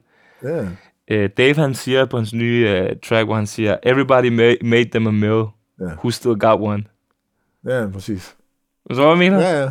Og, og, og, og, og det var sjovt med, med rap, og ved, det er altid sådan noget med mål, du og hvem har dit, hvem har datter, kæder, det er altid været, alle de her forskellige, hvem har den bedste bil, hvem bla bla bla, og så kommer corona. Hvem har sparet op? Ja, men præcis. jeg kender nogen, der ikke har. altså, det må, og de her snakke kommer man bare aldrig til at have. Øhm, bare sådan her. De ligger altid i musikken. Ja, nå, Og så de lig- snakker folk de, i- lig- de ligger i musikken, men også fordi, at de... Øh, nu gør det så ikke gældende for rap, men for alle andre musikere i landet, Mm. de vil helst have, at du tror, at de gør det gratis. Hvad tænker du på, hvad? Øh, Gør hvad gratis? spiller. Det er en del af deres... Jeg, jeg kan bare godt lide at spille musik. Øh, I alle andre genrer, Ja, okay, sygt. der er det jo sådan noget... Det jo handler om, jeg står her, fordi jeg har lyst til at stå her. Ja, ja. Ikke fordi jeg har taget penge for det. Du ved, Jeg forstår godt lidt, hvad de mener, men du Jo, ved... nej, men der, der er et eller andet med at fremstå folkelig eller et eller andet. Ja. Hvor i rap, der er det tværtimod sådan, nej, nej, jeg fortæller dig præcis, hvad jeg har fået, og plus en million, fordi det skulle lyde fedt. Du ved, fordi det er sådan noget, jeg kan, jeg kan huske første gang, der var en, der fortalte mig, ah, man, han har lavet en fucking deal på det her år, han har fået så mange penge. Så, nå, vildt, vildt beløb. Mm, Og så går der et stykke tid, så løber jeg ind i ham, ah, nej, jeg fik så meget, så nævner han et eller andet, woo, herop. Og så løber jeg ind i ham, duden, der har faciliteret aftalen. ja. Nej, nej, det var bare det der. Jeg tænkte, jamen, Ja, okay. hvorfor, hvordan er du kommet frem til det her?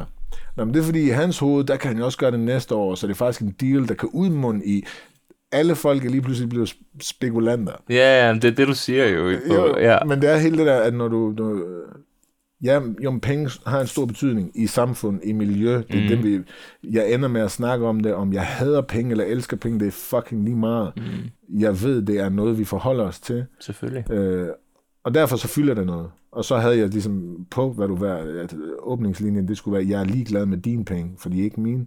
Fordi det der med at gå og måle med folk, Ja. ja. I'm not interested. Ja, okay. Jeg, det hjælper ikke mig, Ja. om du har det godt eller dårligt. Forstår du, Ja, hvad ja. jeg mener? Jeg tror i virkeligheden på, lidt ligesom vi snakkede med uh, streams, eller mm. succes avler succes. Mm. Jo flere, der er lige mig, der har det godt, jo større sandsynlighed for, at jeg også får det. Mm. Så, så i virkeligheden så håber jeg, at det går fantastisk for alle folk, men jeg tror, værdien af noget 100%. skal måles i noget andet. 100%. Hvad hedder det? Ligesom vi snakker om det her med penge, øhm, så er der selvfølgelig, som jeg sagde til dig, når du ikke har penge, så betyder penge lige pludselig meget. Mm. Der var en periode, du ved, hvor at, øh, jeg havde det rigtig skidt. Hvor at, øh, du ved, jeg gik til alle mulige forskellige fysiske, psykiske undersøgelser, alt muligt. Der var ikke nogen, der kunne finde ud af, hvorfor jeg var svimmel hver dag. Hvorfor jeg var dit og dat. Og vi, vi snakkede meget sammen i den periode. Ja. Øh, og på det tidspunkt, så boede jeg faktisk øh, i, øh, hvad hedder det, hjemme hos min mor en periode, og så lige pludselig, så, øh, så en dag, så, så banker det på vores dør. Nej, så får jeg en sms af en. Sådan, hey Drux, hvor er du henne? Så om jeg er lige her. Nå, okay, man kommer lige forbi. Så sådan, ja, okay, det gør du bare. Det er lidt underligt. Øh, men det gør du bare. Åh, oh, ja, for helvede. Og så, øh, så kommer der en person og banker på, min søster åbner døren, og så siger hun, Nå, men LOC står foran vores dør. og så var jeg sådan, ja, men hvorfor gør han overhovedet det? Og så kom du over til mig, og så sagde du, så gav du mig en kuvert. Og så sagde du, øh, hvad hedder det, fordi at øh, min far havde fundet sådan et ophold eller sådan noget i Serbien, som Ja. man kunne komme til, fordi så ville måske kurere finde ud af, privathospital finde ud af, hvad, hvorfor fuck er jeg svimmel hver eneste dag? Ja. Hvorfor er det, jeg føler, at jeg overlever i stedet for at leve? Og da du spurgte mig, da jeg kom ind, før vi startede interview, hvordan har du det? Så sagde jeg, jeg har det fucking godt. Ja. Øh, og jeg ved godt, at du er den her type, som under alle omstændigheder ikke vil tage imod sådan nogle her ting, men jeg har sådan en ting hos mig selv, som er, at øh, der er ikke nogen mennesker i verden, jeg vil skylde noget. Ja. Øh, så jeg har noget med her nede i lommen. Nej. Jeg, jeg, jeg ved godt, du ikke vil tage imod det, men der ligger i hvert fald det samme beløb, som du gav mig. Det ligger her tilbage til dig. Og jeg ved godt, du ikke vil tage imod det og dit Ja. og dat, men der ligger det beløb, som du gav mig, det ligger der. Øh, bare for, for ligesom at sige, øh, Ja. at jeg har sådan en ting med, at tak, for du var der for mig dengang, Ja. og det er noget, jeg aldrig glemmer, øh, og det er noget, der betød rigtig meget for mig. Så øh, Men det var, det var nok i sig selv. Det Du ved ved, jeg, du men, ved- du men ved, du jeg- ved, ligesom at du, som du er stadig med mand og 100 Du er men, men principfast, er- jeg vil aldrig være en loan shark. Du, hvad jeg mener? Det er, Selvfølgelig, øh, men hvis ligesom, kan ligesom du er sådan der, så er jeg også sådan. Jeg vil heller ikke, hvis det var omvendt, vil jeg heller ikke. Ja. Men hvad skal vi gøre, når vi begge to er stadig på det punkt? Ligesom når Ja. det der, når man stod nede i shawarmaen eller whatever, ude i restaurant. Ja. nej, nej, jeg giver, nej, nej, jeg giver, Ja. nej, nej, jeg giver, nej, nej, jeg ikke nej, nej, nej, det var. Men for mig er det vigtigt for mig, ligesom det var vigtigt for dig, så er det ligesom en ting for mig at sige, okay, Selvfølgelig. we're back. Du ved, så vi, det var good bare på det punkt. Du. Jeg ved Ja. godt, vi stadig vil være good, uanset hvad. Ja, ja, ja. Men så jeg vil bare sige til dig, det betyder meget for mig. Det er vigtigt for mig også at komme tilbage og sige, at jeg har det godt nu. Nu gør jeg mine ting, så, så har vi snakket om penge og lidt af hver. Ja, men selvfølgelig ikke mere penge. Du kan, kan du huske, hvor meget det var? Jeg kan ikke huske præcis, hvad det var. Det er okay til en lille Michelin-restaurant og lidt af hver. Måske nogle par gode gange. ja, ja. Vi er, vi er kommet til tracket, der hedder Leo. Ja. Og så har jeg nogle sådan, tænkt sådan et Leo. Du ved, det er jo, der er livet på godt og ondt. Ja. Når jeg føler, at jeg lever, så er det en kombination af, at jeg føler mig som et lille barn. Det var sådan en børnefølelse. Ja. Og øh, at tiden står stille. At jeg ikke har den der følelse af, at, at der er tids, ligesom på interviewet i dag. Ja. Nej, hvad hedder det med det her med, at jeg skal ikke nå noget, der er ikke noget tid. Ja. Blandet med børnefølelse. Så de ting, som kan give mig det, ferie kan give mig det der med tid, Ja. og det der andet kan, kan for eksempel sport eller noget andet give mig den der følelse. Og det er der, jeg føler allermest blandet med oprigtig kærlighed. Det er der, jeg føler sådan, okay, der lever jeg. Så når du er bekymringsfri, Bekymringsfuld med tid og jeg, ja, og, og, og, og og uden... får den øh, der børnefølelse. Du ved, om du spiller Playstation, eller om du er ude og spiller Jo, jo, men sport. det, men det der, eller, jeg tænker som bekymringsfri, det Ja. er jo sådan noget, når ja. Børn, ja, alt de har, andet pisse lige meget lige nu, Ja. jeg laver det her. og så med noget oprigtig kærlighed. Ja. Det kan både være venskabeligt for venner, familie, kæreste, whatever det er. Du ved, du Ja. ved oprigtigt kærlighed. Ikke? Så det er der, jeg føler, jeg lever. Men hvis jeg spørger dig, hvornår føler du, du lever, min bror? Elskede bror. Og elsker bror. Øh, jeg tror, øh, det ved jeg ikke, det lyder sentimentalt. Men jeg har sådan noget, når jeg hører min søn grine, mm-hmm. Så har jeg sådan det der øjeblik, hvor okay, alt andet er pisse lige meget. Helt ned til sådan noget. Det er lige meget, om der er noget, der brænder på ude i køkkenet nu. Mm. Det er lige meget, hvad der er sket hele dagen. Det her, det, det er medicin til sjælen. Mm-hmm. Og der har jeg sådan, øh, så går tingene op i en højere enhed. Mm. Øh, og det, det, jamen, det er sådan noget øh, små ting. Mm. Ellers så tror jeg egentlig, at den er god nok, det der med at være uden bekymringer i forhold til, hvad der skal ske, og hvad der lige er sket, men jeg er bare her. Det der med at være til stede. Nu. At, ja, men når man formår at gøre det, mm. hvor det ikke er sådan noget, jeg sætter mig ned og mediterer, men, Ja. men jeg tror lidt, det der opstår spontant, det, når du siger, det handler om, for dig der er det, når du spiller fodbold, når, okay, Mm. mm. du er i gang med et eller andet, der får endorfinerne til at banke dig ud af alting. Og der, jamen, så tror jeg måske, det er når, at være i studiet. Mm. Når det er, okay, men alt er her, der er gode mennesker her, der er folk, der vil mig det bedste. Jeg laver et eller andet lige nu, som får mig til at synes, det her det er fucking grineren. Mm. Og uden en bekymring for, hvad skal der ske. Mm. Jamen, jo, det, jeg tror sgu, det er et meget godt bud. Kan du huske det ord, jeg brugte om det, det der med at være tilstedeværende? Uh, Det er et vigtigt ord. Ja. Det der med Jo. også om meningsfuldhed, og der er noget mening bag det og sådan noget. Så det giver god mening. Kan du nogle gange strejfe dig sådan tanker om, at du nogle gange sådan, okay, hvad så hvis folk lige pludselig begynder ikke at synes, at jeg er poppen mere? ja, jo. Rammer den tanke LOC nogle gange? Jo, men jeg tror, den, den var der i den der periode, hvor det hele handlede om, åh, fuck, man, øh, pladen skal gå nummer et, det hele skal, hvor, hvor det var alle mulige andre folks parametre, der var succeskriterier. Ja. Det var den gang, jeg også bekymrede mig for, om en anmeldelse var god. Aha. Forstår du, mener? Det, jamen, det skal være det bedste. Folk, de må ikke, ikke lide det. Ja, hvad siger du om smagsdommerne nu? Ja, men der er noget på det her track, jeg vil ikke så gengive det øh, i tilfælde af, at der forstår, folk, der forstår det bandeord.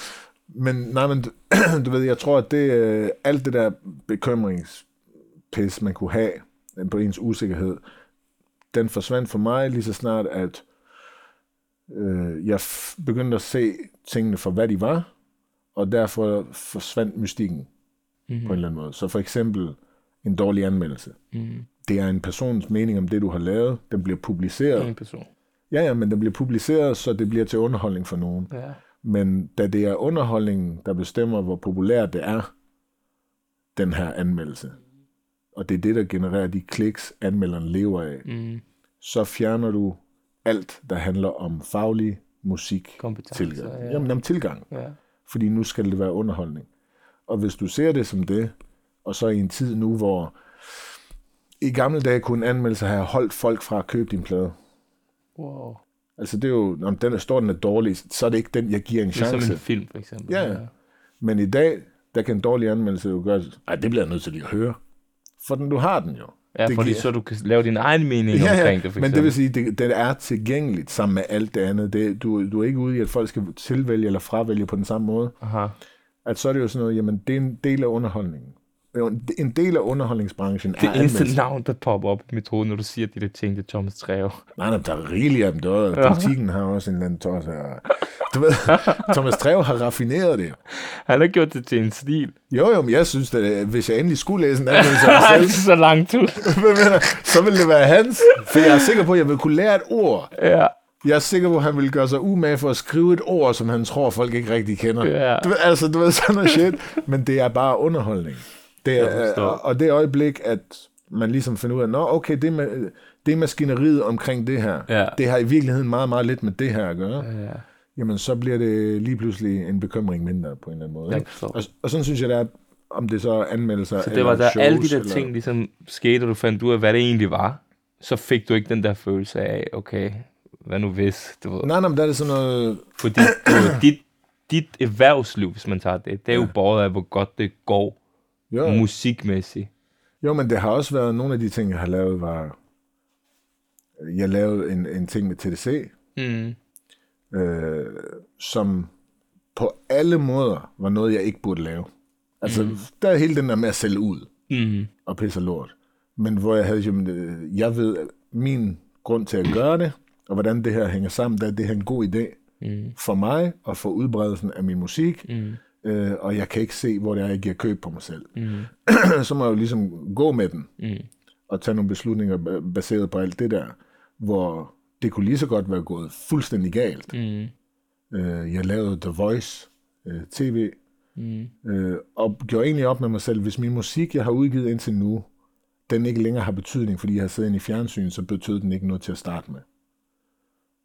Altså, det, det er jo bare at øh, sætte tingene på spidsen. Og det er endnu vildere, fordi den periode, hvor du lavede de ting, der var det endnu mere sådan en tid, man levede i, hvor at ting var sell-out. For eksempel, hvis nu folk laver noget nu, Jamen, nu så forstår forbrugeren add-on. godt, du ved, okay, for ja. at der skal være et eller andet produkt, så længe content den er original, ja. så skal der jo være en sponsor eller et eller andet. Ja. Du ved. Men der, er- der er et eller andet i, i, i det der, for jeg kan huske, da jeg lavede Voice, hvor folk sagde, hvorfor laver du det der? Ja, Altså, fordi jeg synes, det så sjovt ud. Nu, så må vi se. Og så, det var pisse grineren. Det fik en masse folk til at komme til koncerten, som bare vil se giraffen. De var pisse ligeglade med musikken, du ved. Så er det sådan, nå okay, ja, det er nok billetter, jeg ikke selv er i fremtiden, medmindre jeg sidder i fjernsyn. ja okay, Men- sygt. Men det var sådan, øh, jeg tror, jamen i virkeligheden, det, med at komme frem til, at jeg må dyrke det, der giver mig noget, mm. på et andet plan også. Mm. Og så det med at se det som en forretning, jamen det synes jeg, det er skide, det er skide spændende med mm. forretning. Mm.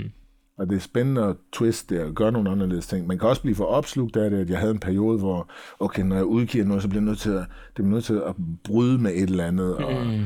alt sådan noget shit, ikke? Hvor jamen, det er ikke nødvendigt. Nogle gange skal det bare ud.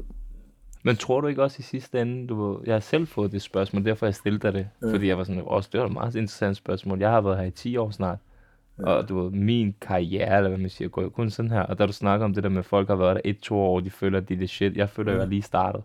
Jeg føler oprigtigt, selvom jeg har været der i 10 år, jeg føler, at jeg er lige startet. Jeg føler ærligt, det er sådan, jeg har det. Jo, men hvis du, hvis du følte, at jeg er, hvor jeg skal være, Ja, så bliver du selv fed, og så begynder det at Ja. blive kedeligt. Hvor så længe det er en udfordring, så længe det er et spørgsmål om, jeg plejer at beskrive det som om, jeg har lavet al mulig musik, men jeg har ikke lavet min Billie Jean.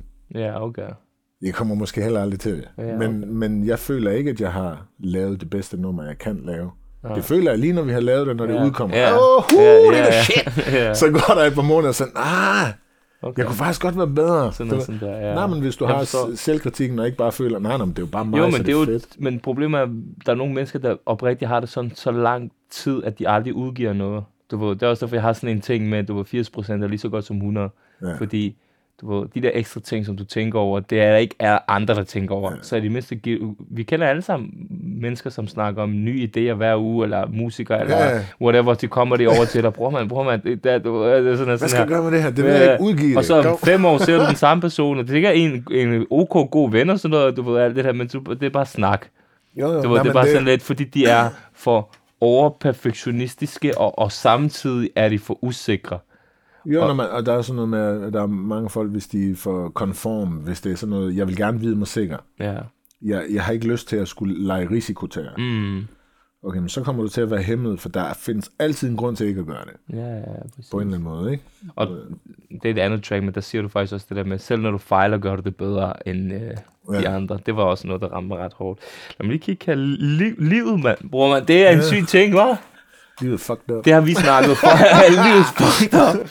Jamen, det er bare sådan nogle ting, vi har snakket meget om. Det, det er altid i vores øh, venskab, og altid noget af det, jeg har sat rigtig meget pris på. Det er de her samtaler. Sådan, nu- bliver de bare optaget til gengæld. Ja. Men det er jo sådan nogle, vi bare har haft altid. Det er noget, hvor jeg, og så når jeg så hører den her sang, den alder, du er i, det et sted, du er i din karriere, og du var med, med din søn og alle de her forskellige ting.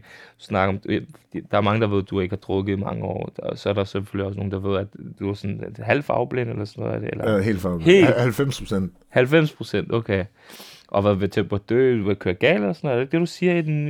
Jo, nej, det var, Det var fordi, jeg synes, jeg kunne forstå det Ja. som, at du nævnte mærket på bilen eller et eller andet. jo, nej, men det er egentlig, Snyddøden eller et eller andet. som, som jeg sagde, det var det, der inspirerede til at lave Ja, det her øh, projekt, den her, det her album. ja.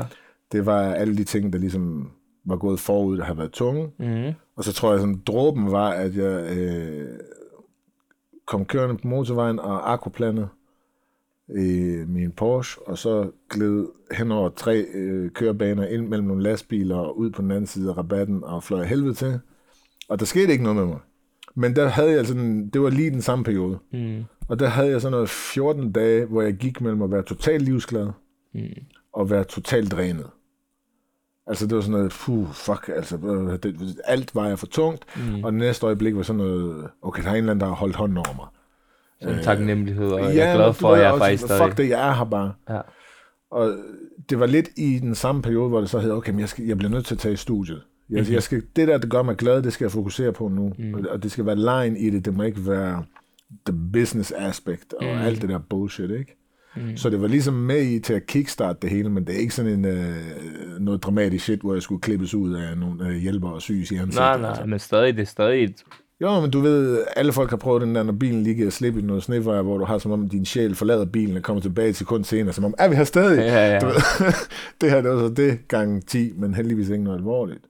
Men Men det var et skældende moment, kan jeg høre, du Ja. for, for, ja. jo, men det ramte, det ramte et eller andet, altså, Ja. hvor jeg var, jeg var på vej hjem, fordi jeg skulle hjem og hente min søn, og det der, du når at tænke tusind tanker, når du kører galt. Så det er sådan, at jeg når det ikke til klokken to, og så ser jeg to lastbiler, jeg glider ind imellem, så det kan være, at jeg slet ikke når det. Og så lige pludselig, så ser jeg sådan nogle træer og alle mulige pisse, og jeg tænker, det er ligesom på film. Og så pludselig holdt bilen stille, hvor jeg tænker, okay, okay, ja, ja, har jeg det hele? Ja. Fuck det. Men øh, ja, jeg er, bare, jeg er glad for det, der ikke skete mere, og, men, men det var en, det var på den samme, det samme tidspunkt som alt det andet lort. Så det var ligesom sådan en, øh, bare endnu en ting i hatten, der gjorde, okay, du skal fokusere på det, der gør dig glad, mm. fordi det kunne lige så godt være gået galt. ja, Så uden tvivl. brug det til noget inspiration. 100 procent. 100 procent. Um, podcasten hedder jo Rejsen. Og Mhm. grunden til, at den faktisk hedder det, det er fordi, at det var på et tidspunkt, jeg stoppede op, og så var jeg sådan lidt, jeg er så målrettet som menneske, ikke? Du ved, jeg er meget sådan, du ved, nu skal vi måle med dit mål med dat, og jeg er meget sådan to-do-liste og Ja. ja. punktlig, og, og det er jeg, fordi at måske har jeg aldrig været den bedste til noget, du ved. Men hvis man arbejder hårdt, og hvis man er punktlig og har god integritet, så kan man faktisk nå ret langt med at forberede sig godt og sådan noget. Men jeg fandt bare ud af, at hver gang jeg nåede til et sted og nåede det mål, jeg gerne ville, så var det en dag eller whatever, og så var jeg videre. Ja. Så du ved, det minder mig om, så du ved, okay, rejsen, du ved, en ting er, du ved, at, at når man hører podcast, hører man det også med på en rejse, Ja, ja. du ved, og, eller laver et eller andet. så var det det der med at huske at være i nuet og sådan noget. Og jeg lavede et interview med Artie Artie, hvor han sagde sådan lidt, at han har været alt for blæst altid på de fedeste oplevelser, hvor han har glemt den, så han set den på sin My Story bagefter, Ja, ja. eller på sin, hvad hedder det, på sin story, og så har han så haft det federe af at se storyen, end da han var der. være der, hvor han var. Og det var der, hvor det gik op for ham, sådan, jo, der er et eller andet helt galt. Der er et eller andet helt galt. Jeg står her på Roskilde, som er det, jeg har ønsket. Ja. Men jeg kunne ikke føle den der, men da jeg så den på, på min story, eller gennem andres folk på telefoner, så kunne jeg mærke den bedre, end da jeg stod der. Ja. Og det var mange af sådan nogle ting, jeg kunne ikke genkende til, fordi jeg har også Ja. prøvet nogle af de der ting, hvor jeg sådan lidt, du ved, altså så er vores fucking fodboldhold med i FIFA. Altså, sådan, hvis du havde sagt det til mig for 10 år siden, jeg ville give alt, hvad jeg havde for, hvis vi Ja, ja. kunne jeg betale dem, de betaler mig nu. du ved, altså, forstår du, hvad jeg mener? Sådan lidt. Ja, ja. Så der sker alle de her ting, så mit spørgsmål går egentlig meget ud på sådan, du ved, altså, har du tænkt over det her med at huske at nyde rejsen? Du ved, at det ikke hele tiden er målet, men at man skal Ja. også huske, ja, fordi rejsen er jo meget længere i princippet. Målet er jo kort. Jo, men det, det, lyder, det lyder fucking dumt, Ja. men hver gang jeg ser nogen, øh, der lige har udgivet to sange, og det er ved at pop the fuck off, og nu annoncerer de den der Danmarks tur, hvor de spiller 28 jobs. Mm. Så ved en hver rationelt tænkende musiker i det her land, at 28 jobs, medmindre du virkelig er et rigtig, rigtig stort navn, Mm. så er det der for at bygge noget op, og ikke for at tjene penge. Mm. Altså, det er mange jobs. Og så bliver jeg misundelig. Fordi uanset hvor godt det går, så dengang, at vi selv skulle slæbe gearet ind på scenen Mm. og pille det ned, og det kunne være, at der kom en eller anden øh, flot kvinde og så du, der spillede, du kunne stå og blinke til, og det kunne også godt være, at der ikke kom nogen, det kunne være, at det var det fedeste, men du var på korstog. Mm-hmm. Du var i gang med at vinde indpas, du er i gang med at få berettigelse, Mm-hmm. alt det der lort. Mm. Det er en 20 gange mere intens, givende og oplevelsesrig ting, end når hele maskineriet kører, og du står backstage, og der står en mand ved siden af dig med en walkie-talkie og beder fronten om at gøre klar, og nu ryger det her tæppe, og nu skal du ind på scenen, og alt det professionelle, og hvor stort og fedt det end er at stå der og føle, nu kan jeg gøre præcis det, jeg har lyst til. Så er det at stå på den der scene, hvor du lige har stået og spillet smart, og nu skal du til at pakke en eller anden gearkasse ned og slippe den ud i en bil, og så skal du sidde fire timer hjem, fordi I kan kun køre 80 km i timen i lejet lige. Mm. Det er sjovere. Altså, Jeg kan Det er godt mere- føle det, fordi... jamen, det er mere Kan du huske, at på et tidspunkt stillede dig det spørgsmål, fordi jeg, jeg var sådan lidt, jeg havde fået lidt trip over, at hver gang jeg lancerede et eller andet, så var det som om, du ved, nå ja, det forventede jeg af dig. Og det der med, hvor jeg stillede det spørgsmål, sådan, jeg har et problem, fordi jeg føler sådan lidt, først og fremmest, så kan jeg heller ikke selv mærke det på samme måde. Det er Ja, også et kæmpe problem. Jo, det Hvis du noget- oplever noget, som du har drømt om, det men du ikke kan mærke Det er, det. når mystikken går af. Hvis du kan, hvis du kan se hele maskineriet, Ja, så er det ikke, altså, du kan også forholde dig blind, mm, taget alle dine håb og dine drømme og smidt dem ind i en trakt og håbet på, at der kommer noget positivt ud i den anden ende. mm, Men du har behovet for, som rigtig mange mennesker har, at skrue hele siden af maskinen og se, hvordan den fungerer. mm, Når du gør det, så kan du se, om det er muligt. Du kan også gå for den alligevel, men du piller noget af glamouren ud af det. mm, Der er jo mange folk, der har sådan, at de skal genfinde glæden i noget. Ja. Der, nu har jeg selv snakket om det i forhold Ja. til at indspille. mm, Jamen jo, jeg genfandt glæden. Jeg ville også have genfundet den, hvis jeg havde lavet et tungt projekt. Jeg ved, den ville være der mm. et eller andet sted. Men jeg tror, det der den barnlige glæde ved at opnå noget, mm. den forsvinder helt automatisk med, at du har arbejdet så hårdt for det, at du lidt også selv forventer det for dig selv. Problemet er den der barriere jo. Det der, hvad du synes engang var, wow, ja. den bliver helt tiden højere og højere og højere og højere og højere. Ja. Du ved, Hvorfor tror du alle de der Men det er jo derfor, folk rigtig, også- rigtig rige røvhuller, det er sådan nogle, der sidder inden til kongens fest og ser sådan her ud der. Nå ja, nu får vi en eller anden fisk, der er uddød. Ja. Det er fint nok. Selvfølgelig, dronningen sidder derovre, men det men jeg tror også, at det er derfor, folk Altså, begynder at drikke og at tage stoffer og gøre alle de her ting, for ligesom at ramme højere og højere op. De skal mærke, du skal kunne mærke, du ved, Jo, jo, men det, det letteste er at gøre tingene til en fest omkring dig. ja, Altså, jeg tror måske, jeg oplever det en lille smule i forhold til, øh, når jeg ser folk, der optræder. Mhm. Så er det tit, folk opfører sig som om, ej, er I kommet til min fødselsdag? Og jeg ser det mere som om, okay, de her mennesker er kommet, fordi den her sang betyder noget, så nu skal jeg fremføre den sang med samme intensitet som for 20 år siden. Aha. Det er mit job, så nu har jeg forventningspres. aha, jeg kunne også gå ind, spille koncerten, og så til sidst sætte mig med ryggen til publikum og tage et billede, som om de var tapet. Men så det man ikke, skal mærke efter, man skal, hvis man bliver spændt og nervøs eller whatever, så er det en god ting. ja, ja, men der ligger noget i det. Ja. Ja. Der ligger noget i at stå der og have det hårdt med det. Altså, det er jo i virkeligheden overførligt en til en til en, hvad jeg ser som det største problem for, øh, for folk overhovedet lige nu, det er, at folk har en eller anden åndssvag idé om, at de skal være lykkelige hele tiden. Øh, du skal have lykke hele tiden. Altså, hvis ikke jeg er glad her, så, så må jeg finde noget andet. Og alt det der pis, hvor i virkeligheden, jamen lykken er jo udgjort af, at det er gået lort i fem dage. Altså, det er det, der gør, at du kan føle den. Ja, men det er ligesom, hvis der ikke var regn, ville man heller ikke synes, solen var Nej, nej, dejlig. så, så når du sidder og siger, at du ikke kan mærke den mere, jamen, det er fordi, din kurve går for godt. Hvad vil du have, jeg skal sige? Hvis, hvis, du rigtigt, bakke, hvis du havde en bakkedal eller et eller andet, så kan det være, at du kunne mærke det. Ja, eller så er det, fordi man ikke er til stede, fordi man er så fucked up i sin uh, tilstedeværelse, du ved, at, du ved, at man ikke kan føle så godt, fordi man hele tiden prøver at skubbe væk, fordi man er for løsningsorienteret, i stedet for at tage, som du siger, Ja. det der med at tage problemet, og så tage det ind, og så sige, okay, det er et problem, eller whatever, eller Jo, i stedet for at skubbe det væk. hvis jeg gik på scenen, og der ikke var en eller anden følelse af, jeg ved ikke, hvordan det her går. Går, ja. Øh, Det er ikke nervøsitet i den der, kunne ved, om jeg kan. Det ved jeg, jeg kan. ja. Kunne ved, om jeg kan præstere det bedste, jeg kan præstere. Nej, så har lige givet mig en åbenbaring. Ved du, hvad det er? Det er, at så? hver gang, især i dag selvfølgelig også, ikke? hver gang jeg skal til at lave et interview, selvom jeg har lavet det i 10 år, ikke? Ja. så er jeg altid nervøs. Jeg sådan, du glæder mig altid, sidder altid og det sidder altid, åh, det var alt det her. Så føler jeg bare sådan, at men så, giver, altså sådan, så føler jeg, okay, det er det, jeg er skabt til at lave.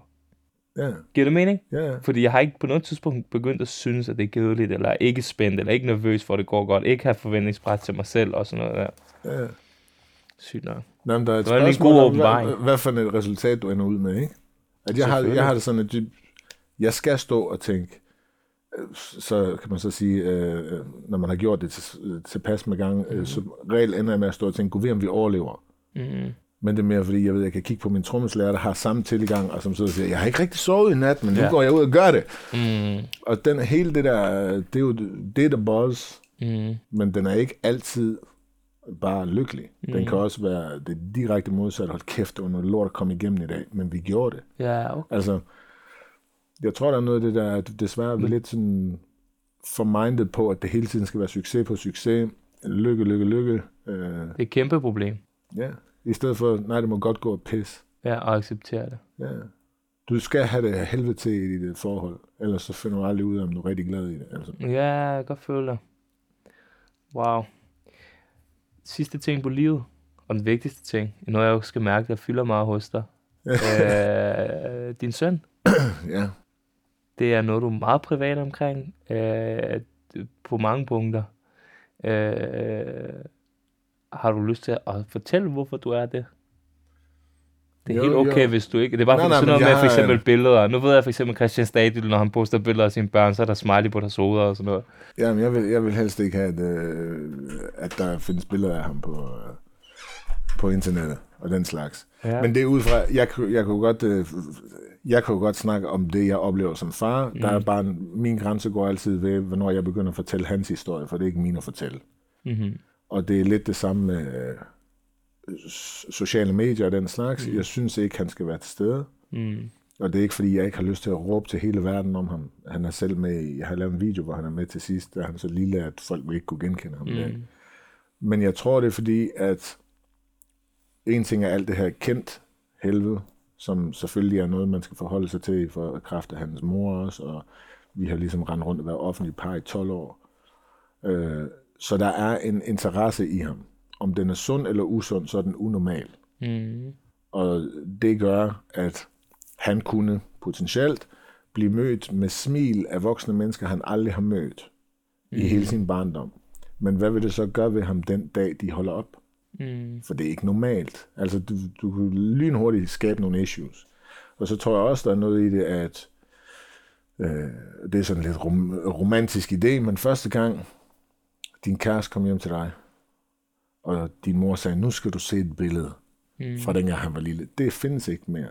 Fordi alle billederne ligger på Instagram. Hun har set Det dem. Der er ikke noget, der er sådan kæret om. Ja. Men der er også sådan noget i, i forhold til, øh, når, før du fandt ud af, hvem du selv var, øh, der var det, det er egentlig meget fedt, at det ikke var muligt for dig at poste som syvårig. Mm. Og der ligger også noget, jamen det kan være, at du en dag kommer til at fortryde, at du var til stede her. Det kan Mm. være, at du en dag egentlig finder ud af, nej, ved du hvad, jeg har først, først nu fundet ud af, hvem jeg er, og det er det her år, så hvorfor findes det her på internettet af mig. Ja, ja, ja. ja. Altså hele den der, øh, vi snakker jo en masse om sådan noget, øh, ikke anonymitet, men datalovgivning og alt det der pis. Jamen, dit ansigt er jo også en værdi mm. på en eller anden måde. Og så for ikke at tage den helt ud, hvor at hvis du havde sagt til mig, da jeg gik i folkeskole, for jeg var også en idiot, at ham der fyren, jeg ikke kan lide inden for parallelklassen, mm. der findes et billede på hans mors Instagram, som jo er åben for alle, hvor han sidder med en lorteblæ. Mm. Hvad var det så sket? Ja. Altså, det er ja, sådan noget, Nå, det printer jeg ud og hænger op på hele skolen. Ja, for sådan, det handler ikke engang om, og det er det, jeg mener, det er ikke sådan noget med at være kendt. Det, det, det handler om, at vi er, vi er på vej et sted hen, hvor det er først nu, der kommer lovgivning omkring det, det ene andet, for vi ved ikke rigtigt, hvad det resulterer i. Og så, men først og fremmest, så er det sådan, jeg er en offentlig person, hans mor er en offentlig person, der bliver øh, tænkt og skrevet nok i øh, hendes liv, såvel som mit liv, at jamen, lad lige nogle ting være, være heldige og private, og mm. hvad der foregår for os, det er det, der har en betydning. Alt det andet lort, det er bare støj herude, fordi far godt kan lide at råbe i en mikrofon, og mor er god til at præsentere noget tv. Jeg bliver bare inspireret, når jeg hører det. Ikke fordi jeg skal tro, jeg har kendt og sådan noget alt muligt med alt det der. Det er ikke det, det handler om, men bare sådan generelt mange old, old school ting er jo nice. Hvis man dengang Facebook kom, der postede man, når man var på ferie, så postede man jo et album. Ja, ja. Og man var ordentligt glad for at fortælle dem, man var venner med på ja. Facebook, var jo dem, man var venner med i virkeligheden. Jo, jo. Nu jeg har fucking 5.000 venner på Facebook, du kan ikke have mere, du ved. Og dengang, så, så nu er det jo sådan noget, så poster mens man er i gang. Ja. Mens man er der, hvor man er, og så kan man ikke føle det, fordi det var federe det der med, hvad er nude, poste et album, eller have et album til sig selv. Det var jo før alt det der kom, så tog man jo billeder, og så havde man, og så havde man det forever, du ved, printet ud fysisk. Yeah. Så der er mange ting, at de der ting, jeg rigtig godt kan lide, og rigtig godt kan fuck med. Yeah. Og jeg også nok vil gøre med min egen familie, når jeg stifter den dag, det der med, som sagt, at have altså, gammeldags billeder af et kamera, hvor du tager et billede, kom, hvor den kommer ud, og så er ja, der. Og, en gang om året, så printer alle billeder ja. ud og smider dem i, så det er, ligesom, er der løbende. Ja, præcis. Også fordi, når den der iCloud, den dør lige pludselig, eller kommer til at koste... ja. Nå, men du, den har kostet 2.000 om måneden at have nu, because we got all your shit. Ja. Hvad, hvad vil du så gøre, Nej, det er rigtigt, det er rigtigt. Men så, tror, så tror jeg også, der ligger noget i, ligesom du siger med Facebook. Jeg ja. vil rigtig gerne bruge for eksempel Instagram, mm. sådan som det er tænkt. Ja. Jeg har familie i, i Irland, jeg har øh, Australien, øh, ja, Aarhus, selvom det ikke er langt væk. Jeg vil gerne dele mm. vores hverdag med dem. Mm. Men fordi at det lige præcis er, kommer ikke snart et album, du ved. Ja. Så okay, det, det må være, mm. det må ja, handle om alt det der offentlige noget, og jeg gider ikke sådan noget, så laver en privat profil, som ingen må, Nå, så vil jeg hellere sende en sms. Ja, ja, ja. Så er jeg på Viber eller eller andet. Men så ved man også godt, at folk mener noget, når de sender en sms, jo. Altså sådan i forhold til, at de popper over noget på Instagram, ser det, og tænker, uh, nå jo, jeg skulle lige... Ja. Jo, jo. Det er jo nemt nok så at skrive jo, et eller andet, men, men hvis du virkelig også... sidder for dig selv og tænker, ja. oj, nu skal jeg sende en sms, så har du oprigtigt ægte tænkt over det og jo, gjort men, det. Men samtidig så er det jo sådan noget, det, det er jo normalt nu, at det foregår derinde. Ja, ja. Øh, jeg har oplevet, jeg tror to-tre gange, hvor der er nogen, som hvorfor kommer du aldrig til det der? Ja. Altså, hvad er det for noget? Jamen, der var sådan en Facebook-invite. Altså, jeg, har, jeg ja. har ikke Facebook. ja, jeg Jamen det er også det der, hvis man virkelig gerne vil have folk komme, så som, som uh, min partner, du, han er jo totalt anti det Han bruger det ja. lidt, men han er totalt hippie på det område. Så du får et opkald, han, du får ikke engang en sms. Altså, han er virkelig sådan der, du ved, og jeg lærer bare meget af ham, fordi ja. du ved, mange af de der ting, de er usunde. Hvad hedder det? En anden ting, hvad hedder det?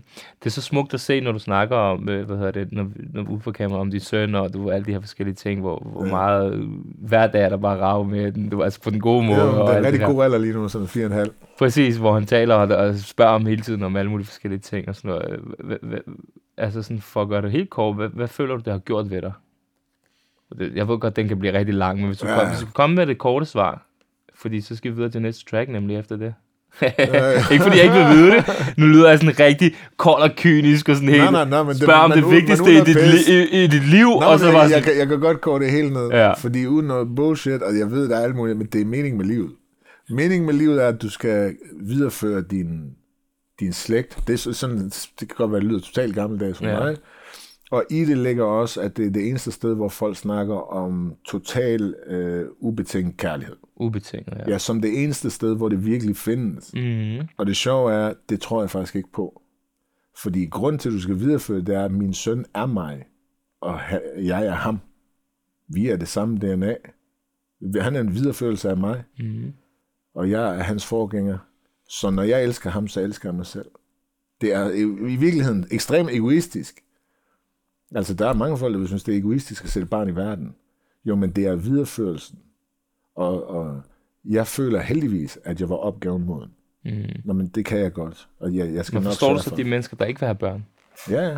Mm. Jeg forstår det udmærket godt. Altså, fordi der er alle mulige ting, øh, der ændrer sig med det samme, og jeg ved, så er det sådan noget, så, hvorfor siger alle folk med børn altid, det er hårdt, men de siger også, jeg skal? Jamen, det er fordi, meningen livet skal være hårdt. Forstår du? Ja, ja, ja, ja, ja. Så nej, men der er noget i det, hvor det, for mig, det er sådan helt kogt ned, det er meningen med livet. Det er grunden til, at der er en forskel på mænd og kvinder. Det er, det er ligesom den ene ting, der er et, et mirakel, som vi alle sammen kan opleve. Mm. Og det er jo ikke specielt, at jeg har oplevet det, fordi alle på hele jorden oplever det cirka, mm. mere eller mindre, ikke? Så ja, jamen, det er meningen med livet. Så fik vi kogt det ned. Jamen, nej, jeg kan godt føle dig. Og Har du så nogensinde tænkt, ja selvfølgelig har du det, men du ved, det er den der ting med, at når han bliver ældre, ja. og han skal høre på alt det lort, du har sagt i alle dine sange. Jo, men forhåbentlig er ikke pappen til den tid. Jo, men stadigvæk tror du ikke, han Jo. finder det frem? jo, men jeg har joket med, om jeg skulle øh, skifte navn, så han ikke kan google mig. Det ved jeg. Men nej, men han har, allerede, han har set en koncert med mig, han har hørt nogle sange, og det ene og det andet. Og lige nu er vi jo et, et sted, hvor øh, jeg prøver at fortælle ham, at bandord ikke nødvendigvis er negative. Nej, det var det, vi snakkede om. Det var Ja. meget interessant, fordi børn vil jo altid gøre det, de ikke må. Jamen, så han- må Så gerne... du har bare sagt, ja, det er fint, men bare ikke her. ja, han, han, han må gerne, men der er nogle steder, han skal forstå, at det vil folk blive ked af, at han gjorde. ja. Så installer noget ansvar i det, og så det er bare et ord, ligesom alle andre ord. Det her, det kan give det her ekstra meget betydning, hvis du siger det inden her. Men det er i virkeligheden Men også... når du har lavet musik, og, du ved, og alt det her, du, altså tilbage til spørgsmålet, har du haft den der tanke sådan lidt, fuck, men når han bliver 15, eller whatever, 12, eller jeg, ja, han skal til Jeg at, kommer ikke til at kunne...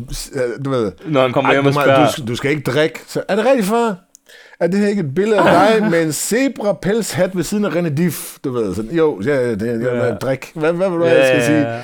Altså, der er alt med måde, og jeg identificerer mig jo ikke med alt det bullshit, jeg har lavet. Altså, Mm. altså, jo, jeg har haft en periode, hvor jeg drak rigtig meget, men det er ikke det, der definerer mig som person i dag. Det er en del af, af, af det, der har fået mig herhen. Er din rejse? Ja, Ja. ja. men det, det er det, men det er ikke noget, øh, hvor ah, nu skal du høre en historie fra den gang. Mm. Mm. Altså, det er ikke der, mit liv øh, ligesom piker. Det skulle det meget gerne gøre i det, jeg er i gang med at udføre nu for mig selv. Ja. Så derfor så tror jeg, det bliver af mindre interesse.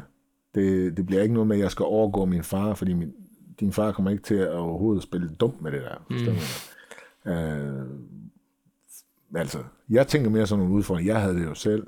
Jeg er halv ir ja. det lå ligesom til, nå okay, men hvad gør I egentlig? Nå, jamen de drikker. Nå, fint, skal vi gå på pop? Ja. Og det er jo pisse hyggeligt. ja. Men, øh, Hvad gør serber?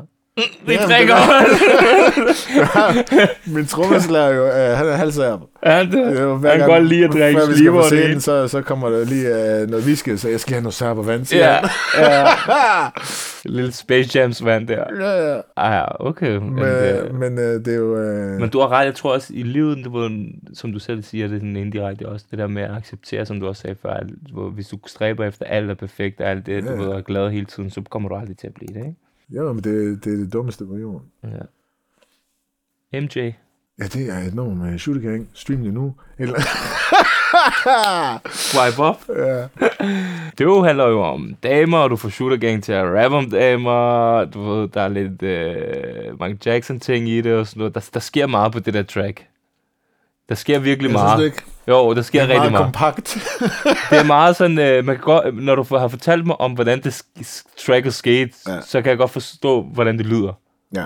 Det der med, du sagde, det var bare, oh, så kom de på, og Jamen, bare, open bare, session og Men den er fyr fed. af, hvis I vil. Ja.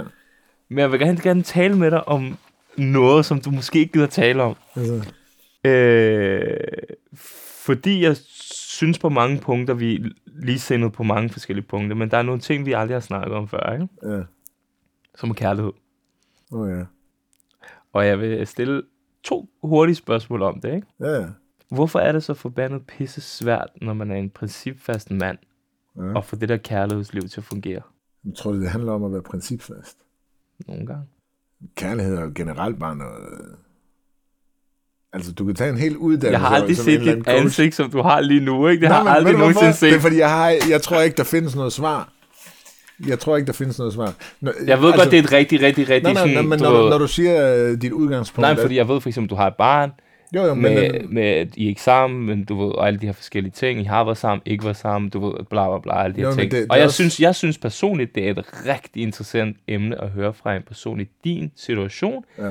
og ud over din situation, og hvor du er, hvor du, hvem du er, hvor du bla, også bare, hvor intellektuel du er, men du ved, når det kommer til kærlighed, det er meget kompliceret. Jo, jo, okay, men det, så, så lad mig tage det. Øh, Ja. ja. Du får hele disclaimeren først, og så Okay. reelt Jeg sidder her faktisk Nej, nej, re- for, for set- at lære. Jo, men reelt set, og det ved jeg godt, der er ja. rigtig mange, der siger, der er rigtig mange mænd, der siger det, fordi det, det skal lyde smart. Men jeg tror ikke på kærlighed som sådan en, øh, en enestående ting. Altså, det er pisse uschammerende igen, men, men ligesom jeg snakker om, jeg vil gerne forstå, hvordan ting fungerer, og så mister du noget af charmen, Ja. noget af mystikken. Og hvis du går ind og kigger på, hvorfor folk finder sammen, og hvorfor de føler et tomrum udfyldt, hvorfor endorfinerne lige pludselig banker afsted, hvorfor de er seksuelt tiltrukket, så er der så mange biologiske og i virkeligheden sådan øh, lidt lommefilosofiske grunde til, at folk føler en kærlighed. Og fordi alt det her, og den korte version, jeg fik en psykose, da jeg var øh, 16 eller 17, som gjorde mig ekstremt paranoid, men som bagefter gjorde, at jeg tænkte enormt meget, og jeg overtænkte ting. Det var ligesom at tænke tingene ned i et hul. Mm.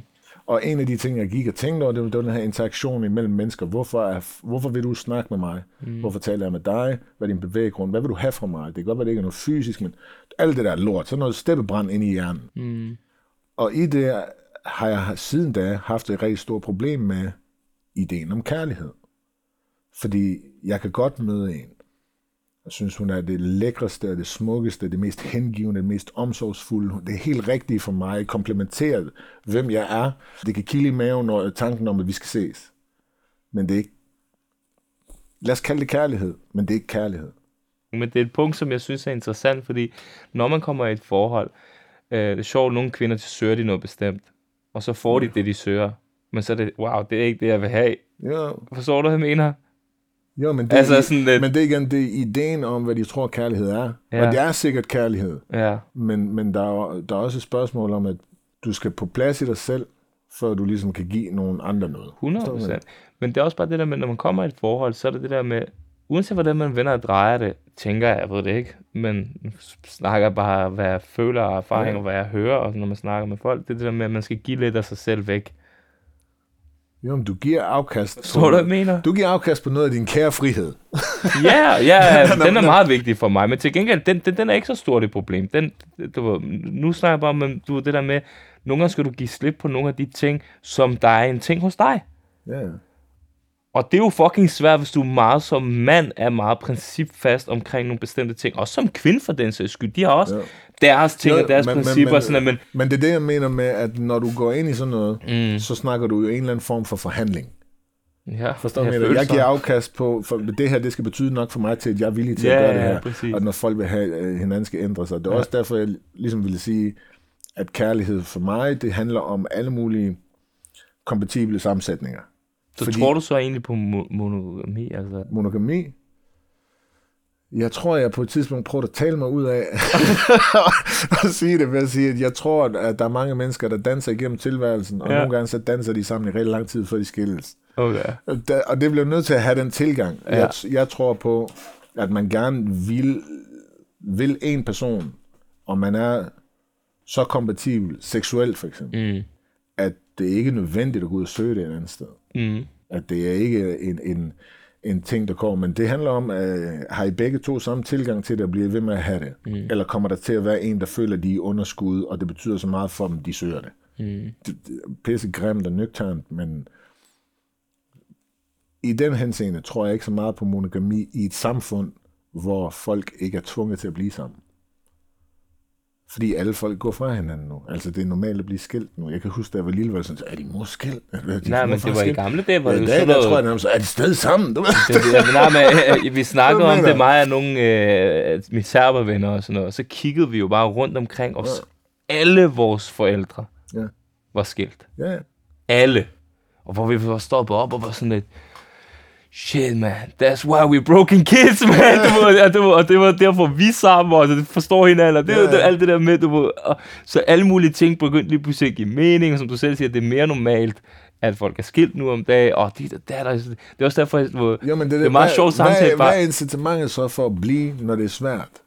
Det er det, jeg mener jo. Så- det er også derfor, at vi, jeg har ikke de her ord. Nogle gange så er det bare, jeg er ikke øh, måske klog nok til at fortælle alt det. Er derfor, jeg har brug for at høre det fra dig. Du, hvad jeg mener? Du, ved, nogle gange har de nå, der... det er det, jeg siger. Du skal jo finde en, der har det på samme måde som dig, hvor det er, okay, prøv, at- hvis det hele går lort, Ja. så snakker vi sammen alligevel. Vi skal finde Ja, ud af det her, ja, du ved ja. Men, men der er det igen. Hvis du så møder de her mennesker, der tror, Men hvad har, jeg skal så, være hvad, evig har- hvad, lykkelig. hvad har du så erfaret? Jeg har været erfaret, at... Det lyder øh, som om, sådan, at jeg laver et alt for damerne interview med Jo, dig. jo, men det jeg har erfaret. Nå, men det jeg har erfaret... Forsiden af alt for damerne med LC. Øh, nej, hvad hedder det? Ej, men jeg synes, prøv at, jeg er selv blevet 32, du er 41. Ja. Vi sidder her så to mænd, som kommer fra et miljø op, og, og jeg synes, det her det er en spændende samtale. Jeg kan se Katja, hun er okay. helt det, op jeg bag. har, det jeg har erfaret er, du skal tage verdens mest uschammerende snak med din kæreste. Du bliver nødt til at tage den snak, I vil tage, hvis I gik fra hinanden.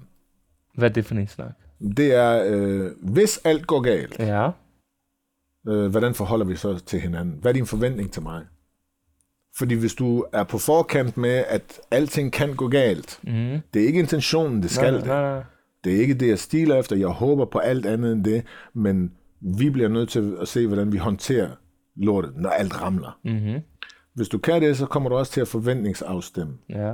Jamen, hvad er dine drømme? Øh, kan jeg forene mig med dem? Det er i virkeligheden, når folk ellers ville sidde og holde i hånden og sige, jeg har altid tænkt på at få en... Ej, det har jeg også. Øh, Nå, men vær pragmatisk. Forventningsafstemt, det ord kan jeg rigtig godt lide. Jo, jo, men det er sådan noget at finde ud af, hvad, hvad fanden det er for noget. Og jeg, jeg havde det selv i, i, i tidligere forhold, hvor det også var, Nå, okay, men nu er vi her. Det her, det går fantastisk. Øh, er det meningen, vi bare vedligeholder, eller skal vi stadig ud og kæmpe for tingene? Mm-hmm, mm-hmm. Altså, du, mere behøver det ikke at være, men så finder du lynhurtigt ud af, okay, øh, hvor kommer, kommer vi til at gå galt af hinanden inden for, inden for det næste halvår? Mm. Øh, er der et eller andet, der bare står og blinker som en rød lampe, et eller andet pis? Og det er skide uschammerende, det er ikke særlig sexet, det er overhovedet ikke romantisk. Mm. Men hvis du er på plads i, hvorfor du vil den anden person, Mm. så vil det gavne alle at tage den snak. Øh, det er ikke særlig romantisk. Det er det direkte modsatte, tror jeg. Ja, det er. Der er også noget, hvor man kan Og lave så, sådan nej, var du dejlig. Øvrigt, prøv lige at høre. Vil Ja. du have børn? Skal du have? ja, ja, jeg forstår godt, hvad du mener. Det er ligesom, der findes noget, hvor man øh, skriver alle sine værdisæt ned. Ja. Og så lad os sige, man har 20-25 værdier. Og så, så skal man koge dem ind til fem. Ja. Top-værdierne. Og det er svært at få en fem, fordi du der er måske 15, der betyder lige meget. Ja, ja. Men du bliver nødt til at finde de fem. Så tager du fem, jeg tager fem. Og så finder vi ud af, sådan, hvor mange af dem modarbejder hinanden, Ja. hvor mange arbejder sammen. Ja. Så for eksempel, som du sagde rigtig godt, din frihed. Ja, Og tror du, frihed for mig er en af top 5? Ja. ja, ja. Modarbejder min kæreste det? Nej, ikke rigtigt. Ikke. Du ved, Men, men jeg kan give dig et du eksempel. ved men ja. hvorfor, som du siger, kommunikation og forventningsafstemning? Jo, men jeg har en god ven, Du ved, kan- for kan du følge eksempel. mig? Jeg har en god ven, for hvem han har som krav til, Ja. hvem end han skal være sammen med, at han skal kunne tage ud og rejse med sine venner to gange om året. No questions asked. Ja. Og det er rigtig fint, lige indtil han gør det. Jamen, det kan du sagtens. Ja. Anden gang han kom ud. Hvorfor vi er aldrig ude at rejse? Ja. Ja. det skulle du jo have sagt i starten, du Ja, havde brug for. Altså, Men det kan selvfølgelig godt kan man med, mødes, men- men du selvfølgelig kan man mødes, men det er mere sådan noget, jeg, jeg tror, det er også derfor, jeg siger lidt det der øh, øh, mandsjuvenistisk. Ja. Ja. Jeg kan jo kun tale på vegne af en mand, jeg har ikke oplevet det fra den anden side. Ja, ja. Men det kan virke sådan lidt, Nå, nu skal du høre, hvad jeg vil have, fordi det, blah. det er ikke fordi, det tilkommer som, mig som mand at Nej, gøre, nej, nej. men, men jeg tror, der er nogle, øh, nogle steder, hvor hvis du begynder at eftergive dig selv på det her, så går det galt. Det er lidt ligesom folk, der kommer ud af et forhold, der, hvor det hele var noget pis, Ja, ja. men de har glemt at tage en checklist med.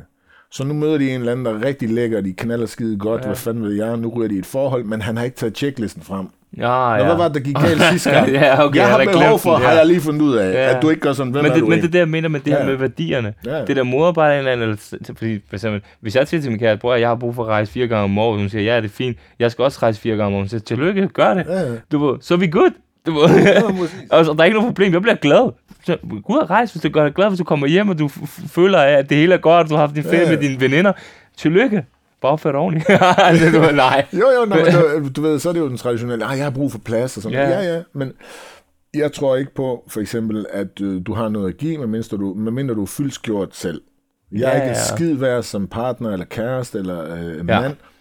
Øh, med en anden person, hvis jeg ikke er fyldt nok op til, at jeg har overskud til dig. Præcis. Og hvis du ikke elsker dig selv. Ja, ja, og problemet er, at der er mange mennesker, der låser hinanden fast i, du skal ikke opleve uden mig, vi skal opleve sammen, ja, ja. og så ender de med, at øh, det er dem der, der ender på en campingplads ved siden af hinanden, de snakker ikke, for de har ikke noget at sige, jeg kan ikke fortælle dig noget, du ikke også har oplevet. Er det så ja. ikke fedt, at ham, der han går ned og ser et eller andet bullshit, og kommer tilbage, uh, nu skal du høre det. Mm. altså, jeg tror, det er dynamikken. Altså. Det, det er, Og det var det omvendte af MJ-sangen. yes, og det var Femina interview for den her gang. Ja.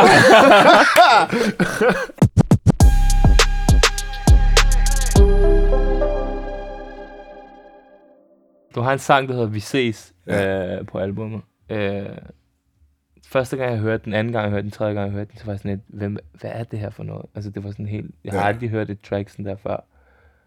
Ja, det er I det dansk rap, jeg var sådan, jeg kan høre, der er et eller andet, altså, lyrikken er for syg, og den måde, du snakker, og det, man kan høre, det er noget rigtigt. Ja. Og så læser jeg, så tror jeg, at pressemeddelelsen, tror jeg, det er. Der finder jeg så ud af, det er med um, jeg er Hassan, ikke? Ja. Øhm, og noget af det, jeg kan huske dig bedst for, det er jo det der, hvor du siger, at ytringsfriheden forpligter. Hvis vi skal vise folk i Mellemøsten, hvor fantastisk ytringsfriheden er, skal vi tage den, ikke bruge den til at håne folk, der ikke har den. Det siger sig selv. Ja. Og du ved, det var det, noget af det sygeste, sådan der folk. Jeg havde hørt, at folk havde hørt i min omgangskreds, det var virkelig der, hvor du virkelig steg rigtig meget respekt hos rigtig mange mennesker. Nej, fordi Nå, det er ja. alligevel en dyb ting at sige, sådan der, du ved, ikke?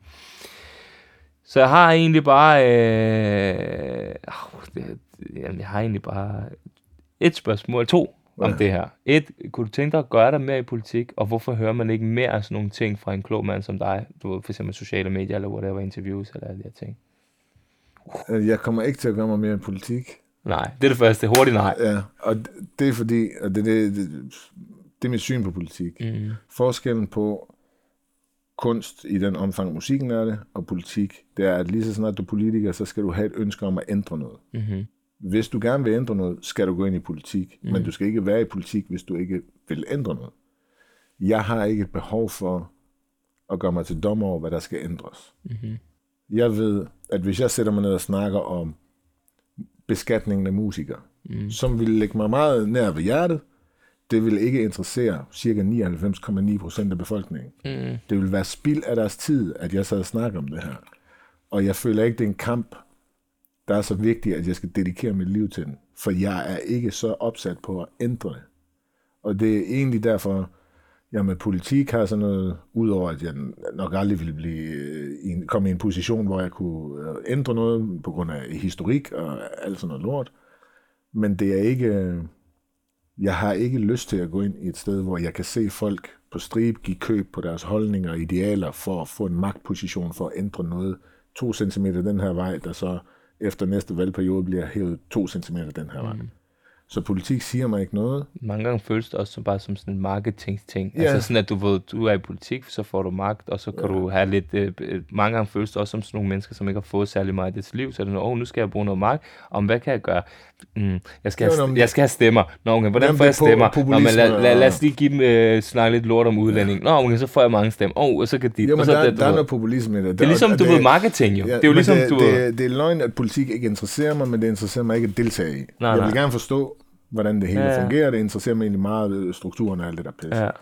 Og på grund af, at jeg ikke vil ændre noget, så har jeg også, at når jeg ser debatten, Mm, ikke programmet, men debatten generelt Ja. om alle mulige ting, med ytringsfrihed, der blev jo spurgt af Clement og svarer, mm. som jeg tænker. Hvis jeg sad hos ham, og han spurgte mig om noget andet, ville jeg give mit eget besøg med. Mm. Men jeg ser det, jeg vil hellere have, at folk ser det musik, jeg laver, mm, som musik, og ikke som, nå, okay, men det her, det er noget, der er bygget på ham, der har den her holdning. Fordi jeg synes, det at blande sig i en debat, ja. øh, så er det oftest sådan noget, jamen du skal, du skal egentlig starte ud med at sige, ja, nu er jeg jo ikke et eller andet, ligesom vi snakker om før. Jeg er ikke mandsjuvenist, men jeg synes, Ja. hvis det er nødvendigt at først proklamere, Mm, at du ikke er noget negativt, Mm. så er det ikke en debat, jeg gider deltage i. mm, Fordi det burde, vi burde som udgangspunkt tro på det bedste ved hinanden. Mm. Og jeg synes, alle debatter starter ud med, at folk skyder hinanden noget i skoene, men så skal modbevise, før man kan begynde at føre sit argument. mm, Så, så jeg har sådan på Twitter, jeg elskede Twitter i gamle dage. mm, Du kunne skrive noget, og så ville der være 10 mennesker, der har budt ind med noget. En, der har lavet noget artwork for sjov, og mm. der var idéer. mm, I dag så er det politikere og journalister, ja. og de skændes. Ja, Hele dagen. Og det er sådan, jeg gider ikke skrive noget herinde. Og Hvad skal jeg skrive her? Forstår man? Ja, jeg forstår, hvad, jeg forstår, hvad du Så på mener. den måde, så, så, så jeg ser ikke mig selv som specielt klog, Li- ligesom, hvad hedder det, det der øh, udtalelsen om ytringsfrihed. Jeg synes jo, det er banalt. Mm, Øh, men det blev sagt på et tidspunkt, hvor okay, men det gav noget mening. mm. Men, men jeg har ikke sådan, jeg sidder ikke derhjemme og tænker, gud ja, det er lige slået mig. Hvorfor ikke? Ja, ja, ja, jeg forstår, hvad du mener. noget ud. Fordi, Så du føler, at alting har ligesom sin tid og sin timing, og du ved, hvis det nu er, der er et Ja. eller andet. Ja. Ja, ja, men jeg har ikke lyst til at være ham der, der tror, jeg kommer og siger et eller andet klog bullshit. Dem er der rigeligt af. Der, der findes 20 heller jufer. Altså, Ja. 100%. Men der findes kun én, jeg er Hassan. ja, der kommer aldrig en anden ligesom ham. Og kæmpe rest in peace i hvert fald øh, til, øh, til en af de vigtigste stemmer, altså vi nogensinde har haft i Danmark. Altså en, der var virkelig god til at expose alt det der hyggeleri og... Det er det, jeg bliver ved med at sige, når folk spørger om ham, han var en projektør. Mm-hmm. Og alle folk, der stillede sig ved siden af ham, blev gennemsigtige. Altså, han stillede sig ved siden af sin familie, så blev de gennemsigtige. Så stillede han sig ved siden af alle journalisterne, ja. så blev de gennemsigtige. Så Ja. stillede han sig ved af politi- politikerne, så blev de gennemsigtige. Alle folk blev, som du siger, exposed. Han, Ja. Det var det, hans rolle var, udover at skrive digt. Det Ja, var ham, der 100%. han var bare øh, hyklernes værste mareridt. Ja, han knækkede også Peter Falktoft godt og grundigt. Jamen, det, han, det var alle, du ved, ikke? Hvad hedder det? Um, smukt det sidste, der sker i, i tracket. Altså øh, ren lyden og det hele. Og, Jo, men det er mere ideen om at lave et eller andet, hvor det er med respekt for mm. hans historie og hans person. Ja. Jeg ved i hvert fald, da jeg hørte det, jeg var sådan, wow. Det, der var så sindssygt ved jeg her, at udover alle de ting, han gjorde, Mm. han selv var en projektør, han selv var en stor digter, så var det jo, hans historie er jo en film i sig selv. Altså, Total. det er, okay, alt, siger du, alt det her bullshit, det er sket, du ved, ikke? Ja, Og det var desværre også klichéen nogle gange med, jamen, de klapper, når det går godt, og når det begynder at gå skidt, så, uh, han, og det var det sjove med ham, da han kom frem, så var han jo alle danskernes, ja! Yeah! Ja, ja. Nå, men det vilde var, i starten, når han kom frem, og så fik alle, inklusive folk, jeg voksede op med, som også har sådan et kendskab til ham, Mm, de fik sådan, hvad fanden har han gang i? mm, Og så så jeg, at han var i Voldsmose og læste digter op, og så øh, til den her digtoplæsning, så er der en, der spørger øh, nu har du jo belyst det her, hvordan, hvad føler du, vi skal gøre ved det? Og så han, det ved jeg sgu da ikke, jeg er digter. Og der tænker jeg, nå ja, det er jo rigtigt. Han har mm. fortalt sin, sin historie. ja, bare sin. Ja, Ja. ja, ja. Det er, hvad alle folk har taget og gjort med den, Ja, der gjorde, at alle folk, også omkring ham, begynder at sige, hvorfor har du, du kan ikke udstille din far på den måde. mm, Jamen, læs lige bogen. mm, Lad være med at tro på, hvad de siger i Deadline. mm. Du ved, fordi det blev lige præcis til sådan en, der sad en eller anden DF-vælger og tænkte, se, det var det, jeg altid har sagt. Ja. Du ved, altså, det Ja, ja, præcis. nogle fordomme, ikke? Så, øh, hvad hedder det, så vil jeg bare egentlig ramse øh, nogle få ting op, øh, som, øh, som, som du har lært mig. Du har lært mig om Tom Ford og parfumer. Yes, altid godt. Du har lært mig, at du kun den nye en gang. Ja, kun års nye navn. Og som? Drake siger, get it while you're here, boy, because all that hype won't feel the same next year, boy. og så Thailand Work Mode, og øh, det betyder kun noget, når folk, der kender dig rigtig godt, har en negativ holdning om dig, og folk, der ikke kender dig, fuck dem. Ja, Det har du også lært mig. Ja, it doesn't matter. Fucking tak for samtalen, og tak for at være en øh, kæmpe inspiration for mig. Tak for at, give dig den her tid til at snakke om alle de her ting. Og øh, nu fik vi endelig det her interview i kassen. Jeg vil også sige tak til, til Katja, som øh, har, har været med til at facilitere det, som arbejder på Warner. Mm. Jeg vil sige tak til, til min good man Sebastian, som har holdt mig ud. Og tak til dig, Liam, for at komme hele vejen rundt. Og øh, tak for at være Altid. ærlig som altid. Brother. Den, Øh. den sagde klak.